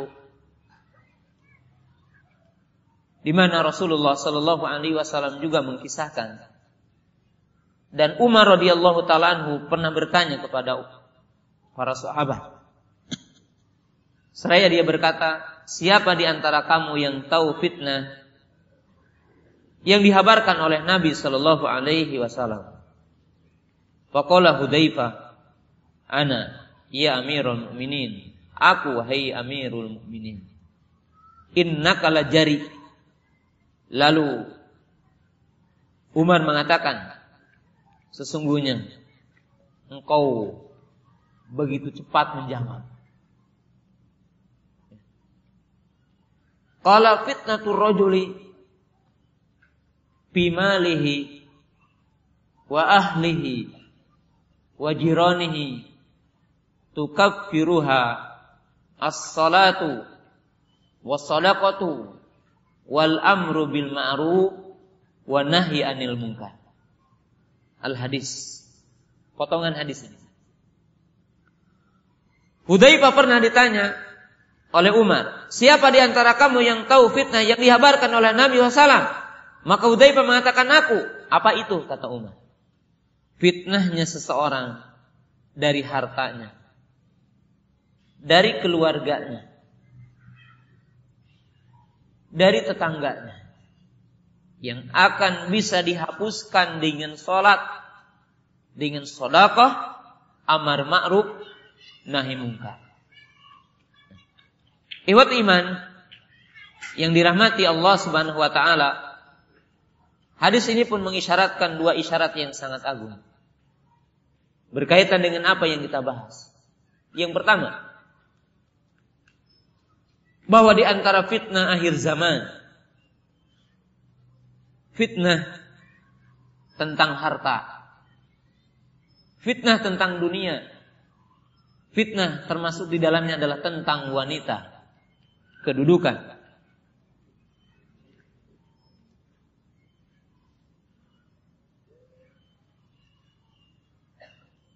Oleh sebab itu Rasulullah SAW menyatakan dengan fitnah ini.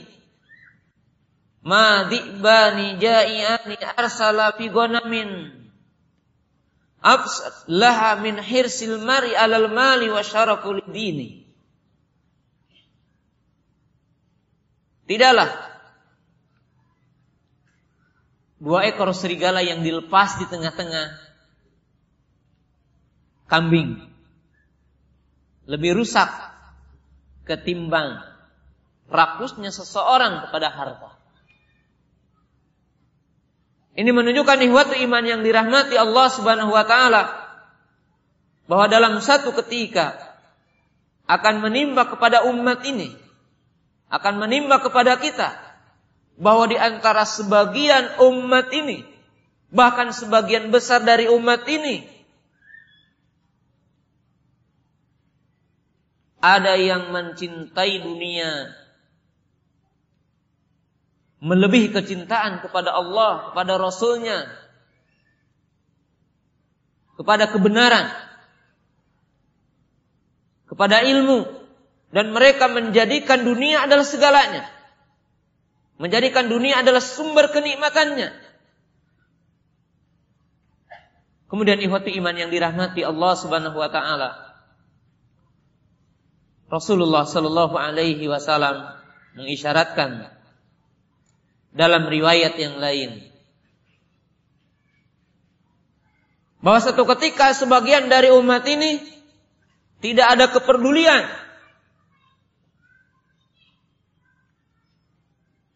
Tentang hartanya apakah dari yang halal ataupun dari yang haram. Sebagaimana dinyatakan dalam hadis Abi Hurairah diriwayatkan oleh Imam Nasai. Ya'ti 'alan nasi zamanun. La mar'u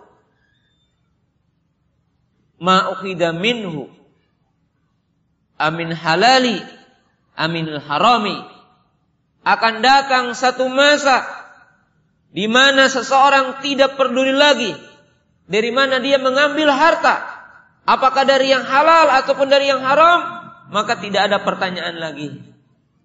Tidak seperti sahabat dan di antara mereka seorang sahabat yang bernama Rifa'ah ibnu Rafi. Dia berkata, Ya Rasulullah ayul kasbil atyab.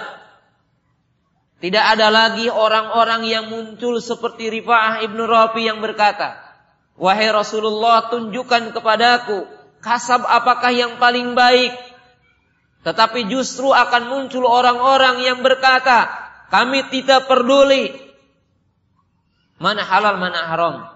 Bahkan mungkin hari ini kita dapatkan orang-orang yang mengatakan ketika dikasih tahu tentang halal dan haram. Karena kesempitan dunia dia berkata, hari ini Pak maaf, jangankan yang halal, yang haram pun kami susah mencarinya. Ini gambaran ikhwati iman yang dirahmati Allah Subhanahu wa taala. Apa yang digambarkan oleh Rasulullah sallallahu alaihi wasallam. Fitnah yang sangat besar. Bahkan tidak sedikit fitnah wanita. Dan fitnah wanita ini telah digambarkan oleh Nabi SAW. Ittaqud dunya wattaqun nisa. Fa inna awala fitnatin ala bani Israel kana fin nisa. Bertakwalah kamu tentang dunia dan bertakwalah kamu menghadapi wanita. Karena fitnah yang pertama menimpa kepada Bani Israel adalah wanita. Ihwat iman yang dirahmati Allah Ta'ala. Ini dua perkara yang sangat dahsyat akan menimpa kepada umat ini. Bahkan ihwat iman yang dirahmati Allah Ta'ala tentang fitnah wanita ini bukan hanya ini. Nabi SAW mengatakan dalam Sahih Bukhari tidak akan terjadi hari kiamat sehingga wanita-wanita dari Bani Daus mereka akan melenggak-lenggokkan pantatnya di sekitar kuburan dan mereka akan menyembah kuburan. Tahu sejarah atau tahukah kita tentang sejarah Daus? Kabilah Daus? Kabilah Daus adalah kabilah ketika di zaman Nabi SAW adalah kabilah yang mereka terkenal dengan kesyirikannya. Di antara mereka ada sahabat yang bernama Tufail ibnu Amr ad-Dausi. Yang dia masuk Islam dan baru seorang yang masuk Islam. Lalu dia meminta kepada Nabi SAW untuk berdakwah. Lalu dia berdakwah berhari-hari, berbulan-bulan. Tapi tidak ada seorang pun yang masuk Islam. Maka dia datang kepada Nabi SAW. Lalu berkata, Ya, ya Rasulullah, doakan mereka dengan adab. Kirim kepada mereka adab. Lalu Nabi SAW bersabda dan tidak memenuhi permintaan Tufail bin Abdurrahman Ad-Dausi. Beliau berkata, Allahumma bidausan wati ilaihim. Ya Allah tunjukkanlah Adul Daus. Datang lagi mereka. Lalu didakwahi dan alhamdulillah tidak ada seorang pun dari kabilah Daus kecuali masuk Islam dan bertauhid. Tetapi Nabi SAW mengisyaratkan bahwa nanti di akhir zaman dari sejumlah kaum Daus ini akan menyekutukan lagi Allah. Dan isyaratkan oleh Nabi SAW adalah para wanita. Di mana Nabi SAW mengatakan tidak akan terjadi hari kiamat sehingga wanita-wanita Daus mereka berjoget, mereka bertawaf di sekitar kuburan dengan melenggak-lenggokkan pantatnya. Ini isyarat fitnah di akhir zaman. Adalah antara wanita dengan kekuasaan yang disyaratkan oleh Nabi Shallallahu Alaihi Wasallam. Maka Rasulullah Shallallahu Alaihi Wasallam memberikan jawaban di antara amalan yang paling mulia ketika muncul fitnah adalah kasratul ibadah. Ini adalah poin yang terakhir yang saya bisa jelaskan.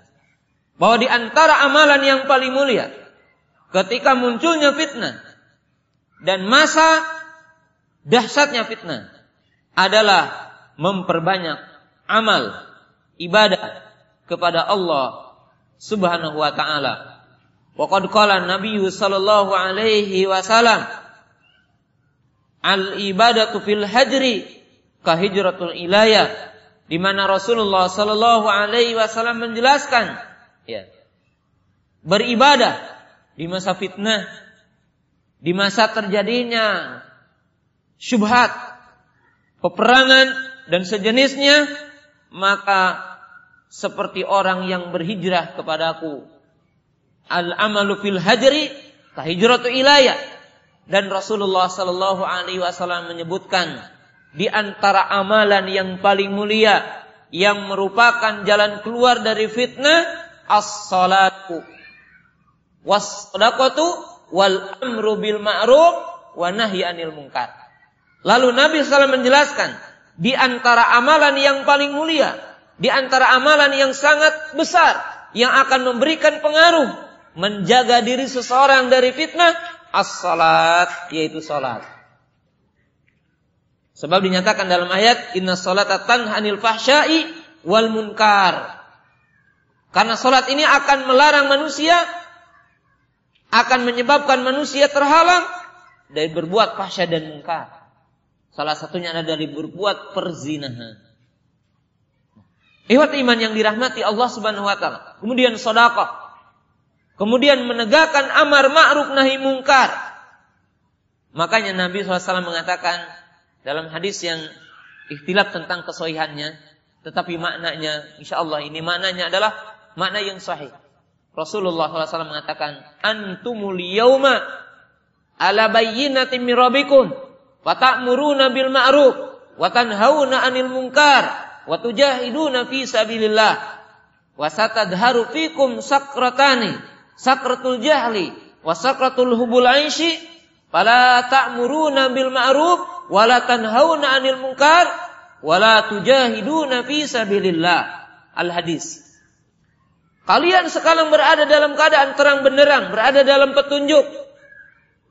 Maka kalian mengajak manusia kepada yang ma'ruf, melarang manusia dari yang mungkar dan berjihad di jalan Allah dan akan muncul di tengah-tengah kalian dua penyakit yang mematikan, dua penyakit yang akan menyebabkan kaum muslimin terpuruk terbelakang, ditimpa musibah dan malapetaka. Yaitu apa? Syakratul jahli, kejahilan kepada agamanya.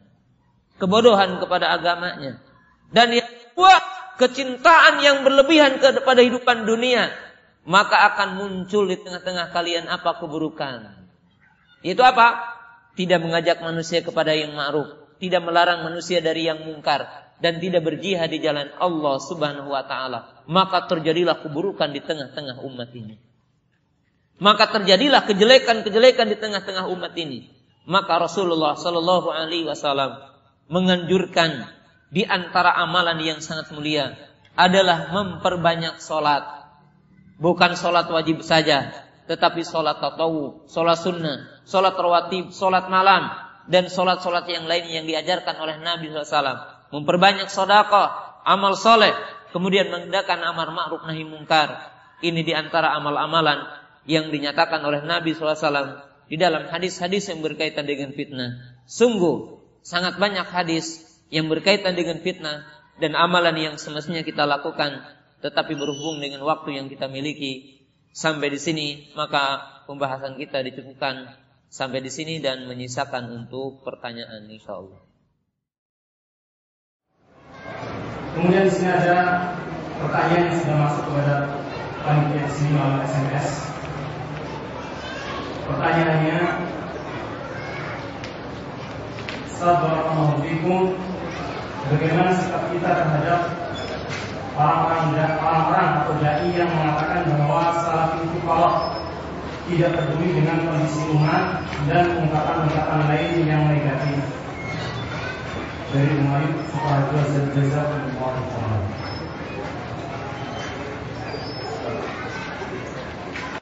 Ikhwati iman yang dirahmati Allah Subhanahu wa taala, para pendengar suara radio Quran di mana saja berada,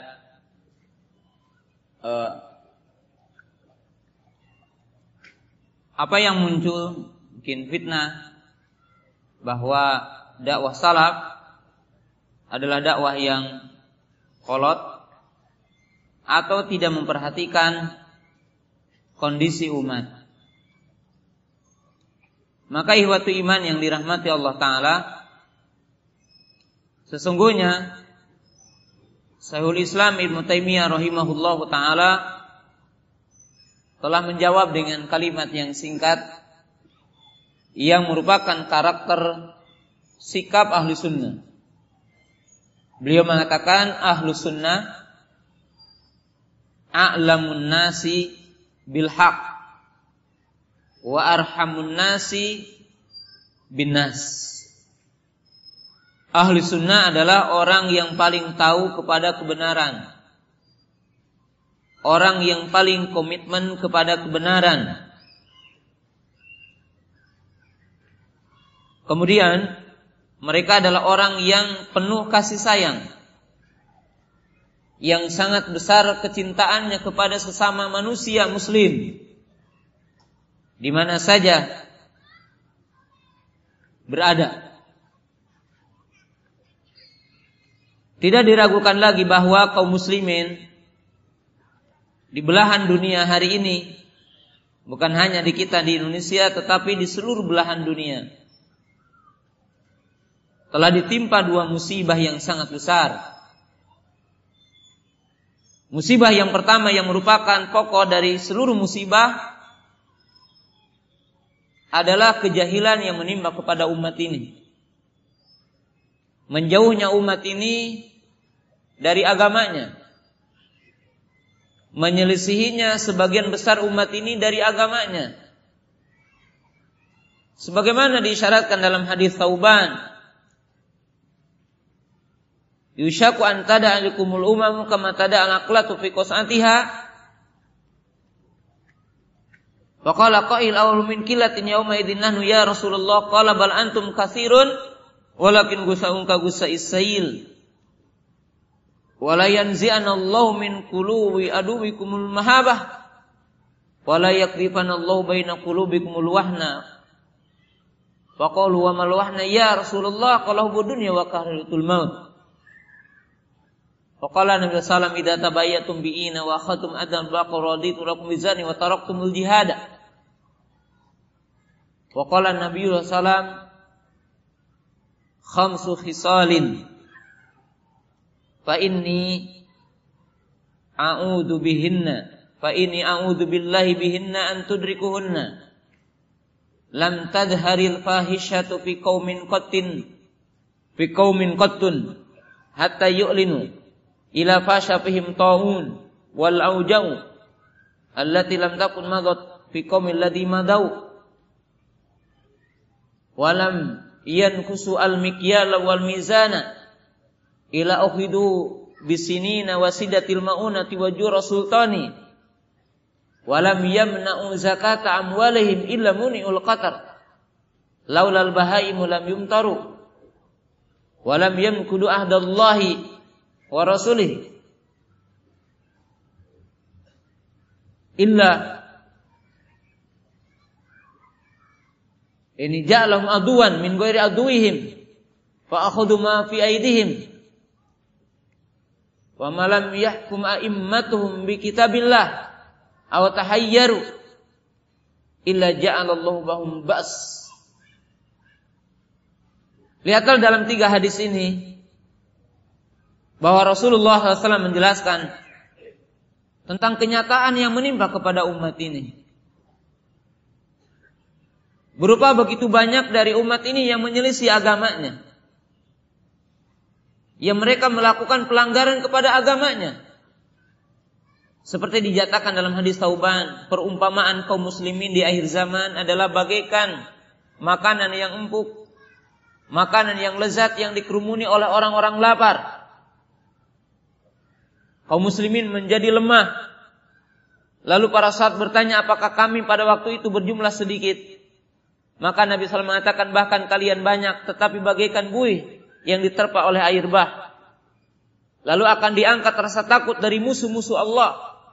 Jadi musuh-musuh Allah tidak takut lagi kepada orang-orang beriman, kepada kaum muslimin dan akan ditimpakan kepada kita penyakit wahan, itu cinta dunia dan takut akan mati.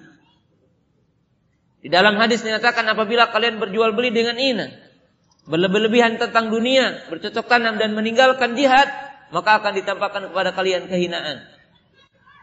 Nabi SAW menyatakan dalam hadis Abdullah bin Umar, sesungguhnya aku berlindung kepada Allah dari lima perkara agar tidak menimpa kepada kalian.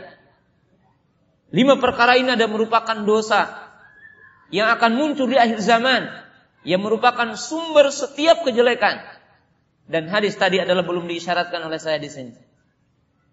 Kata beliau yang pertama, tidaklah perzinahan tersebar dalam satu tempat seolah-olah mereka menghalalkannya kecuali akan terjadi penyakit taun, penyakit kulit atau penyakit yang tidak pernah ditimpakan kepada kaum sebelumnya penyakit AIDS hari ini. Dan tidaklah mereka mengurangi takaran dan timbangan mereka kecuali Allah Taala akan menimpakan kesulitan hidup, kemarau yang panjang dan dipimpinnya oleh pemimpin-pemimpin yang zalim, maksiat dalam dagang, ya, mengurangi takaran, mengurangi meteran, mengurangi timbangan. Kemaksiatan berada di mana-mana. Tidak amanah. Kemudian tidaklah mereka menahan zakat-zakat mereka kecuali Allah Taala akan menahan turunnya hujan. Seandainya tidak ada binatang-binatang yang melata, tidak ada kambing-kambing, tidak ada kerbau-kerbau, tidak ada semut-semut, dan tidak ada burung-burung, maka Allah Taala tidak akan menurunkan hujan tapi rahmat kepada makhluk yang lain, maka Allah telah menurunkan hujan kepada kita hari ini. Dan tidaklah mereka melanggar perjanjian dengan Allah dan Rasulnya, kecuali Allah akan menguasakan musuh-musuh kepada mereka, sehingga mengambil harta mereka. Dan tidaklah para pemimpin dari umat ini tidak berhukum dengan hukum Allah, kecuali akan terjadi pertikaian di antara mereka, pertumpah darahan, persengketaan. Dan ini adalah berita dari Nabi SAW. As-sadiqul masduq berita dari orang yang terpercaya. Maka kepedulian ahli sunnah, kepedulian yang sangat besar. Apa kepedulian yang paling besar? Adalah mengembalikan umat ini kepada agamanya. Karena Nabi SAW mengatakan, tidak akan diangkat kalian dari kehinaan tersebut, dari musibah dan malapetaka yang menimpa kepada kita, kecuali kembali kepada agama kita. Maka dakwah salaf, dakwah ahli sunnah adalah merupakan dakwah yang paling mulia. Dakwah yang paling besar. Jihad yang paling besar. Di mana mengembalikan umat ini kepada agamanya. Mengajari mereka agamanya. Memberitahu kepada mereka tentang agamanya. Menjelaskan kepada mereka tentang agamanya. Dan ini adalah kemuliaan yang sangat agung. Bahkan ikhwatu iman yang dirahmati Allah Ta'ala Al-Imam Ibnul Qayyim rahimahullahu taala menjelaskan dalam kitabnya Zadul Ma'ad dan dalam kitabnya. Yang lain. Seperti kitab Miftah dari Sa'adah. Beliau mengatakan al-mujahidu nau'an. Bahwa orang yang berjihad itu ada dua kelompok. Yang pertama berjihad dengan pedang dan tombaknya. Yang kedua adalah berjihad dengan ilmu dan hujahnya. Maka beliau mengatakan yang berjihad dengan ilmu dan hujah dinamakan dengan jihadul khasati bil khasah.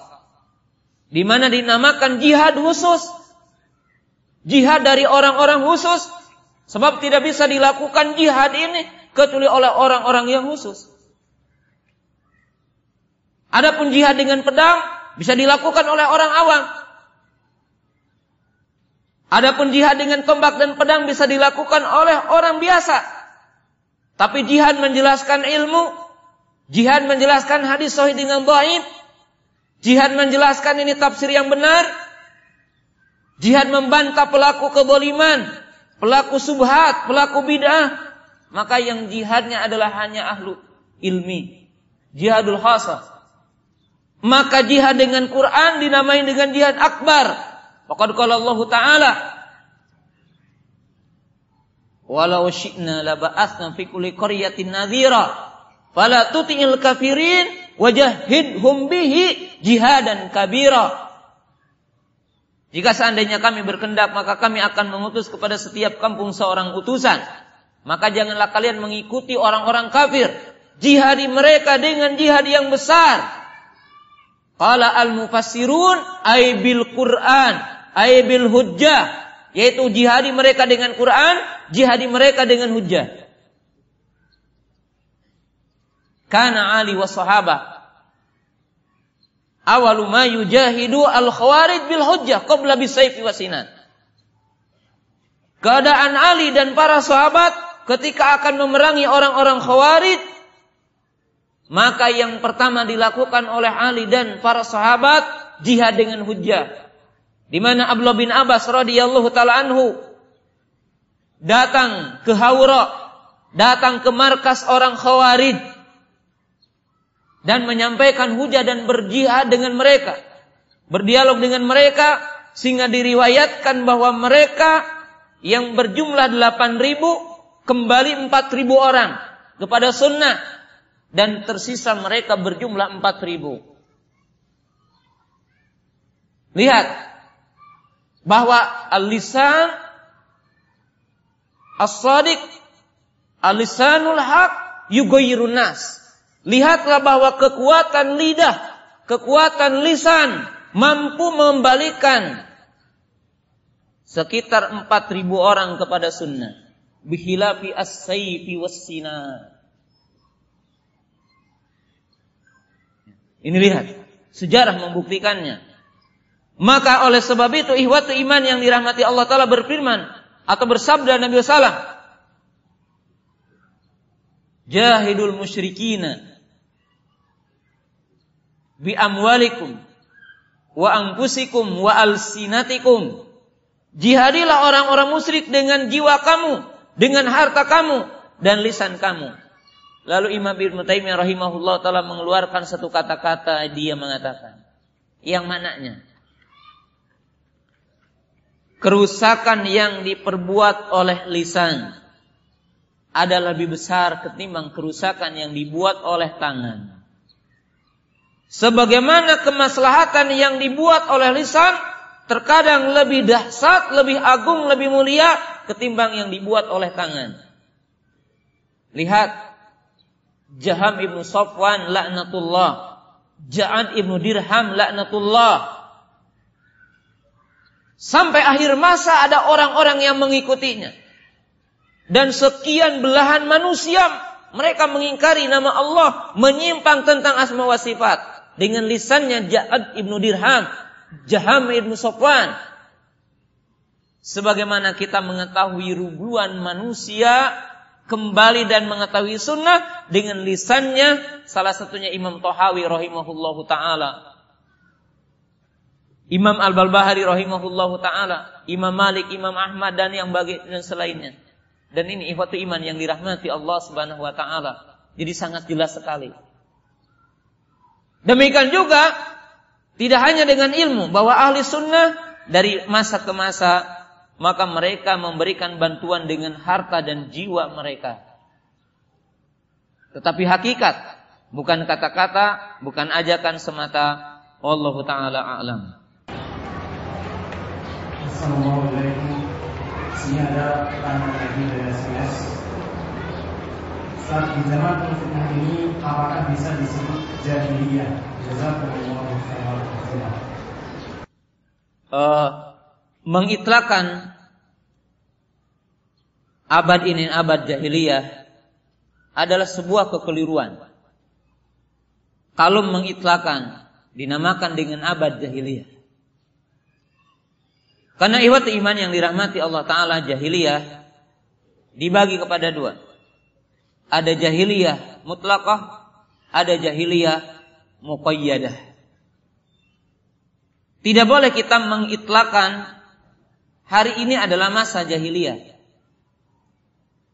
Karena setelah diutusnya Nabi Shallallahu Alaihi Wasallam, maka tidak bisa dikatakan tahun ini adalah tahun jahiliyah. Sebab ahlul hak akan senantiasa dalam setiap masa. Bahkan kala Nabi Sallallahu Alaihi Wasallam, la tazalu ta'ifatu min ummati dhahirina 'alal haq wa fi riwayatin yujahiduna 'alal haq wa fi riwayatin yuqatiluna 'alal haq. Senantiasa di antara umatku ini ada yang menang. Di atas kebenaran mereka berjihad dan menang di atas kebenaran. Mereka berperang di atas kebenaran dan mereka diberikan kemenangan oleh Allah Subhanahu wa taala. Alul haq maujudun ila akhir saat ahli kebenaran itu akan datang dan ada dalam setiap masa. Tetapi kalau kita mengatakan qawiyat wa Tetapi kalau kita mengatakan semakin menguat hari ini tentang jahiliyah boleh. Karena memang kenyataan. Ataupun kita mengatakan semakin banyak orang yang terpengaruh dengan jahiliyah, boleh. Demikian juga kita tidak boleh kepada seseorang muslim mengatakan sipulan jahiliyah. Kecuali telah nampak kekufuran pada orang itu. Tapi kalau dalam orang itu ada sebagian kemaksiatan, maka kita cukup mengatakan dalam diri orang itu ada sifat jahiliyah. Maka dengan itulah para ulama mengomentari tentang sebuah buku yang judul bukunya apa? Abad ke-20 abad jahiliyah. Maka di komentar dan pernyataan ini adalah pernyataan yang keliru. Wallahu taala alam.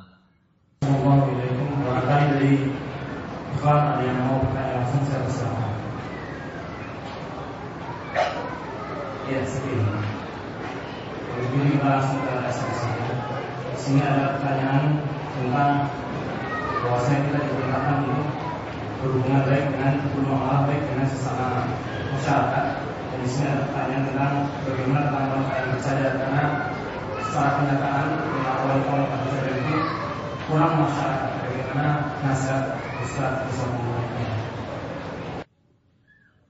Bismillah. Ya. Hubungan ya para akhwat baik yang bercadar ataupun yang tidak memakai cadar. Karena tentunya hukum menutup wajah. Para ulama berbeda pendapat. Di antara para ulama ada yang mengatakan wajib wanita menutup wajah dan kedua telapak tangannya. Dan itu adalah pendapat kebanyakan para ulama. Sebagian para ulama ada yang mengecualikan wajah dan telapak tangan. Lalu bagaimana seorang muslimah berinteraksi dengan lingkungan? Maka ihwat iman yang dirahmati Allah Subhanahu wa taala Islam telah mengajarkan dengan kalimat yang umum tapi memiliki makna yang sangat luas. Faqala Nabi sallallahu alaihi wasallam akmalul mu'minina imanan ahsanuhum khuluqa.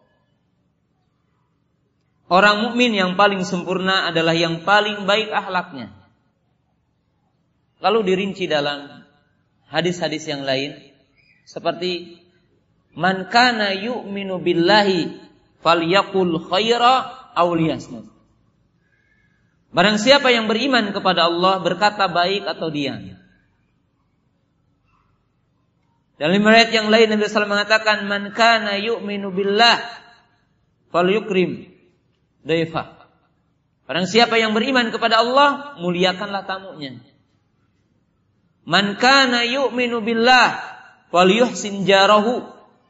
Barang siapa yang beriman kepada Allah, maka baiklah ke tetangganya. Bagaimana interaksi yang baik? Interaksi yang baik sesungguhnya digambarkan dalam tiga kalimat juga. Bahasa satu wajhi indal Bermuka ceria ketika ketemu. Para umahat dengan umahat lagi ucapkan salam Assalamualaikum. Wajah yang ceria. Jika tidak ada laki-laki buka cadarnya Assalamualaikum buka cadar. Baik. Karena dinyatakan di antara kemuliaan dan bagian dari keimanan mengucapkan salam bagi orang yang dikenal dengan orang yang tidak dikenal. Yang diketahui di situ kampung muslim. Ucapkan salam. Kemudian yang kedua yaitu kaful adha. Menahan diri untuk tidak menyakiti tangan kita, telinga kita, mata kita, lidah kita. Ucapkan kalimat-kalimat yang baik, salam, menyapa. Ikuti tata kerama suatu daerah yang tidak bertentangan dengan Islam. Ikuti tata cara bicara, tata cara menyapa, tata cara menganggil dengan adat yang ada selama tidak bertentangan dan tidak ada larangannya dalam syariat. Yang ketiga apa? Badlun nada. Bersikap membantu, memberikan jalan keluar. Ya. Maka ihwat iman yang dirahmati Allah taala, ini sikap seorang mukmin mengamalkan ini. Dan tentunya ihwat iman yang dirahmati Allah Ta'ala Hari ini adalah Hari rahmah. Hari ini adalah layak kita untuk lebih kepada sifat rahmah. Tidak kepada sifat sidah Bukan sidah tidak ada. Bukan sidah tidak boleh. Tetapi Awal langkah, awal sikap adalah bersikap lemah lembut. Ya. Tidak mengapa seorang ahwat kadang-kadang ziarah.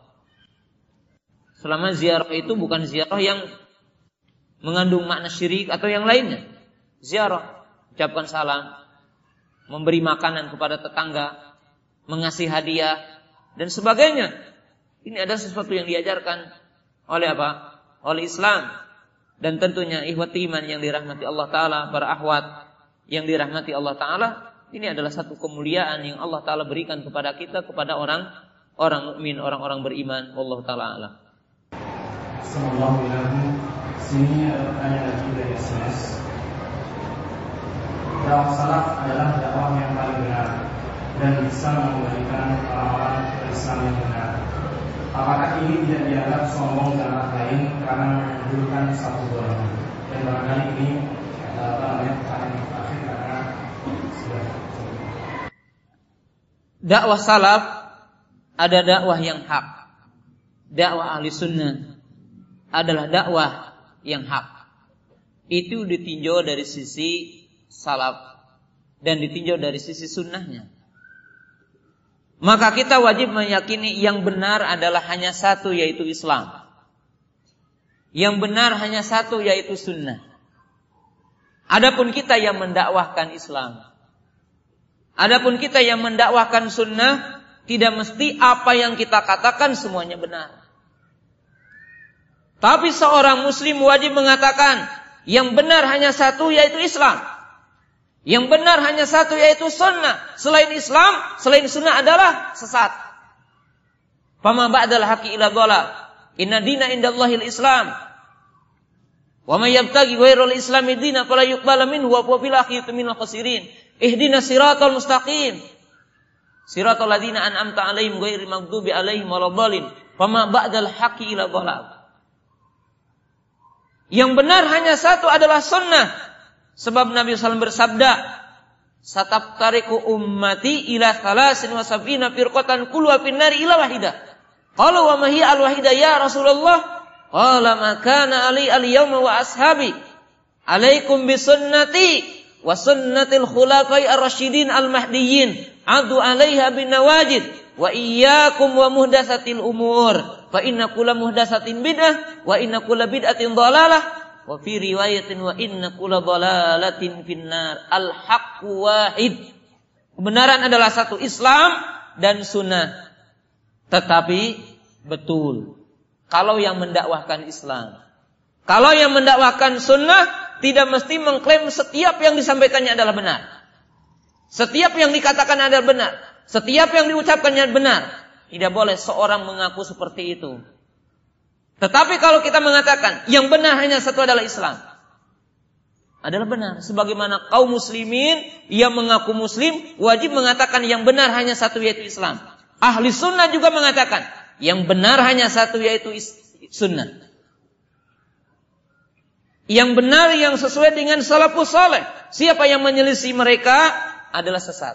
Tapi kalau ditanya Ustadz Abu Qatadahnya, kalau ditanya bahkan ulamanya, apakah Imam Syafi'i semuanya benar? Apakah Imam Ahmad semuanya benar? Apakah Imam Malik semuanya benar? Maka Imam Malik telah mengatakan, "Kullu qawli basharin yu'khad wa yutrak illa qawla sahibu hadal qabar fa asyaru ila qabri Rasulillah sallallahu Maka Imam Malik mengatakan, setiap ucapan manusia diterima dan ditolak kecuali ucapan penghuni kuburan ini itu Rasulullah Sallallahu Alaihi Wasallam. Tetapi sebagai nasihat terakhir, jangan sampai mengeluarkan kalimat ini dengan sebuah tujuan untuk menentang kebenaran. Jangan sampai mengeluarkan kalimat ini dengan sebuah tujuan untuk melegalisasi setiap kesesatan. Tidak, sebab al-haq masabata fid dalil bil Quran awis sunnah Wama sabata fi qauli salafi saleh. Sebab kebenaran apa yang tetap di dalam dalil Al-Qur'an atau sunnah dan apa yang telah tetap dari perkataan salafus saleh ridwanullahi taala alaihim. Itu adalah kebenaran. Jamaah yang dirahmati Allah Subhanahu wa taala, barangkali sampai di sini pembahasan kita di pagi hari ini berkaitan dengan amalan-amalan yang semestinya dilakukan oleh seorang mukmin di akhir zaman. Walaupun apa yang kita bahas tidak begitu banyak dan tidak semuanya yang diisyaratkan oleh Nabi SAW dan apa yang semestinya oleh kita dilakukan di akhir zaman ini adalah tidak semuanya terungkap berhubung waktu yang kita miliki. Mudah-mudahan Allah Subhanahu wa taala memberikan taufik dan hidayah kepada kita untuk berada di atas jalan yang lurus, berada di atas amal soleh, kebaikan-kebaikan yang mesti kita mendekatkan diri kepada Allah Taala. Rabbana la tuzigh qulubana ba'da idh hadaitana wa hab lana min ladunka rahmah innaka antal wahhab. Rabbana atina fid dunya hasanah wa fil akhirati hasanah wa qina adzabannar wa akhiru da'wana anil hamdulillahi rabbil alamin. Assalamualaikum warahmatullahi wabarakatuh.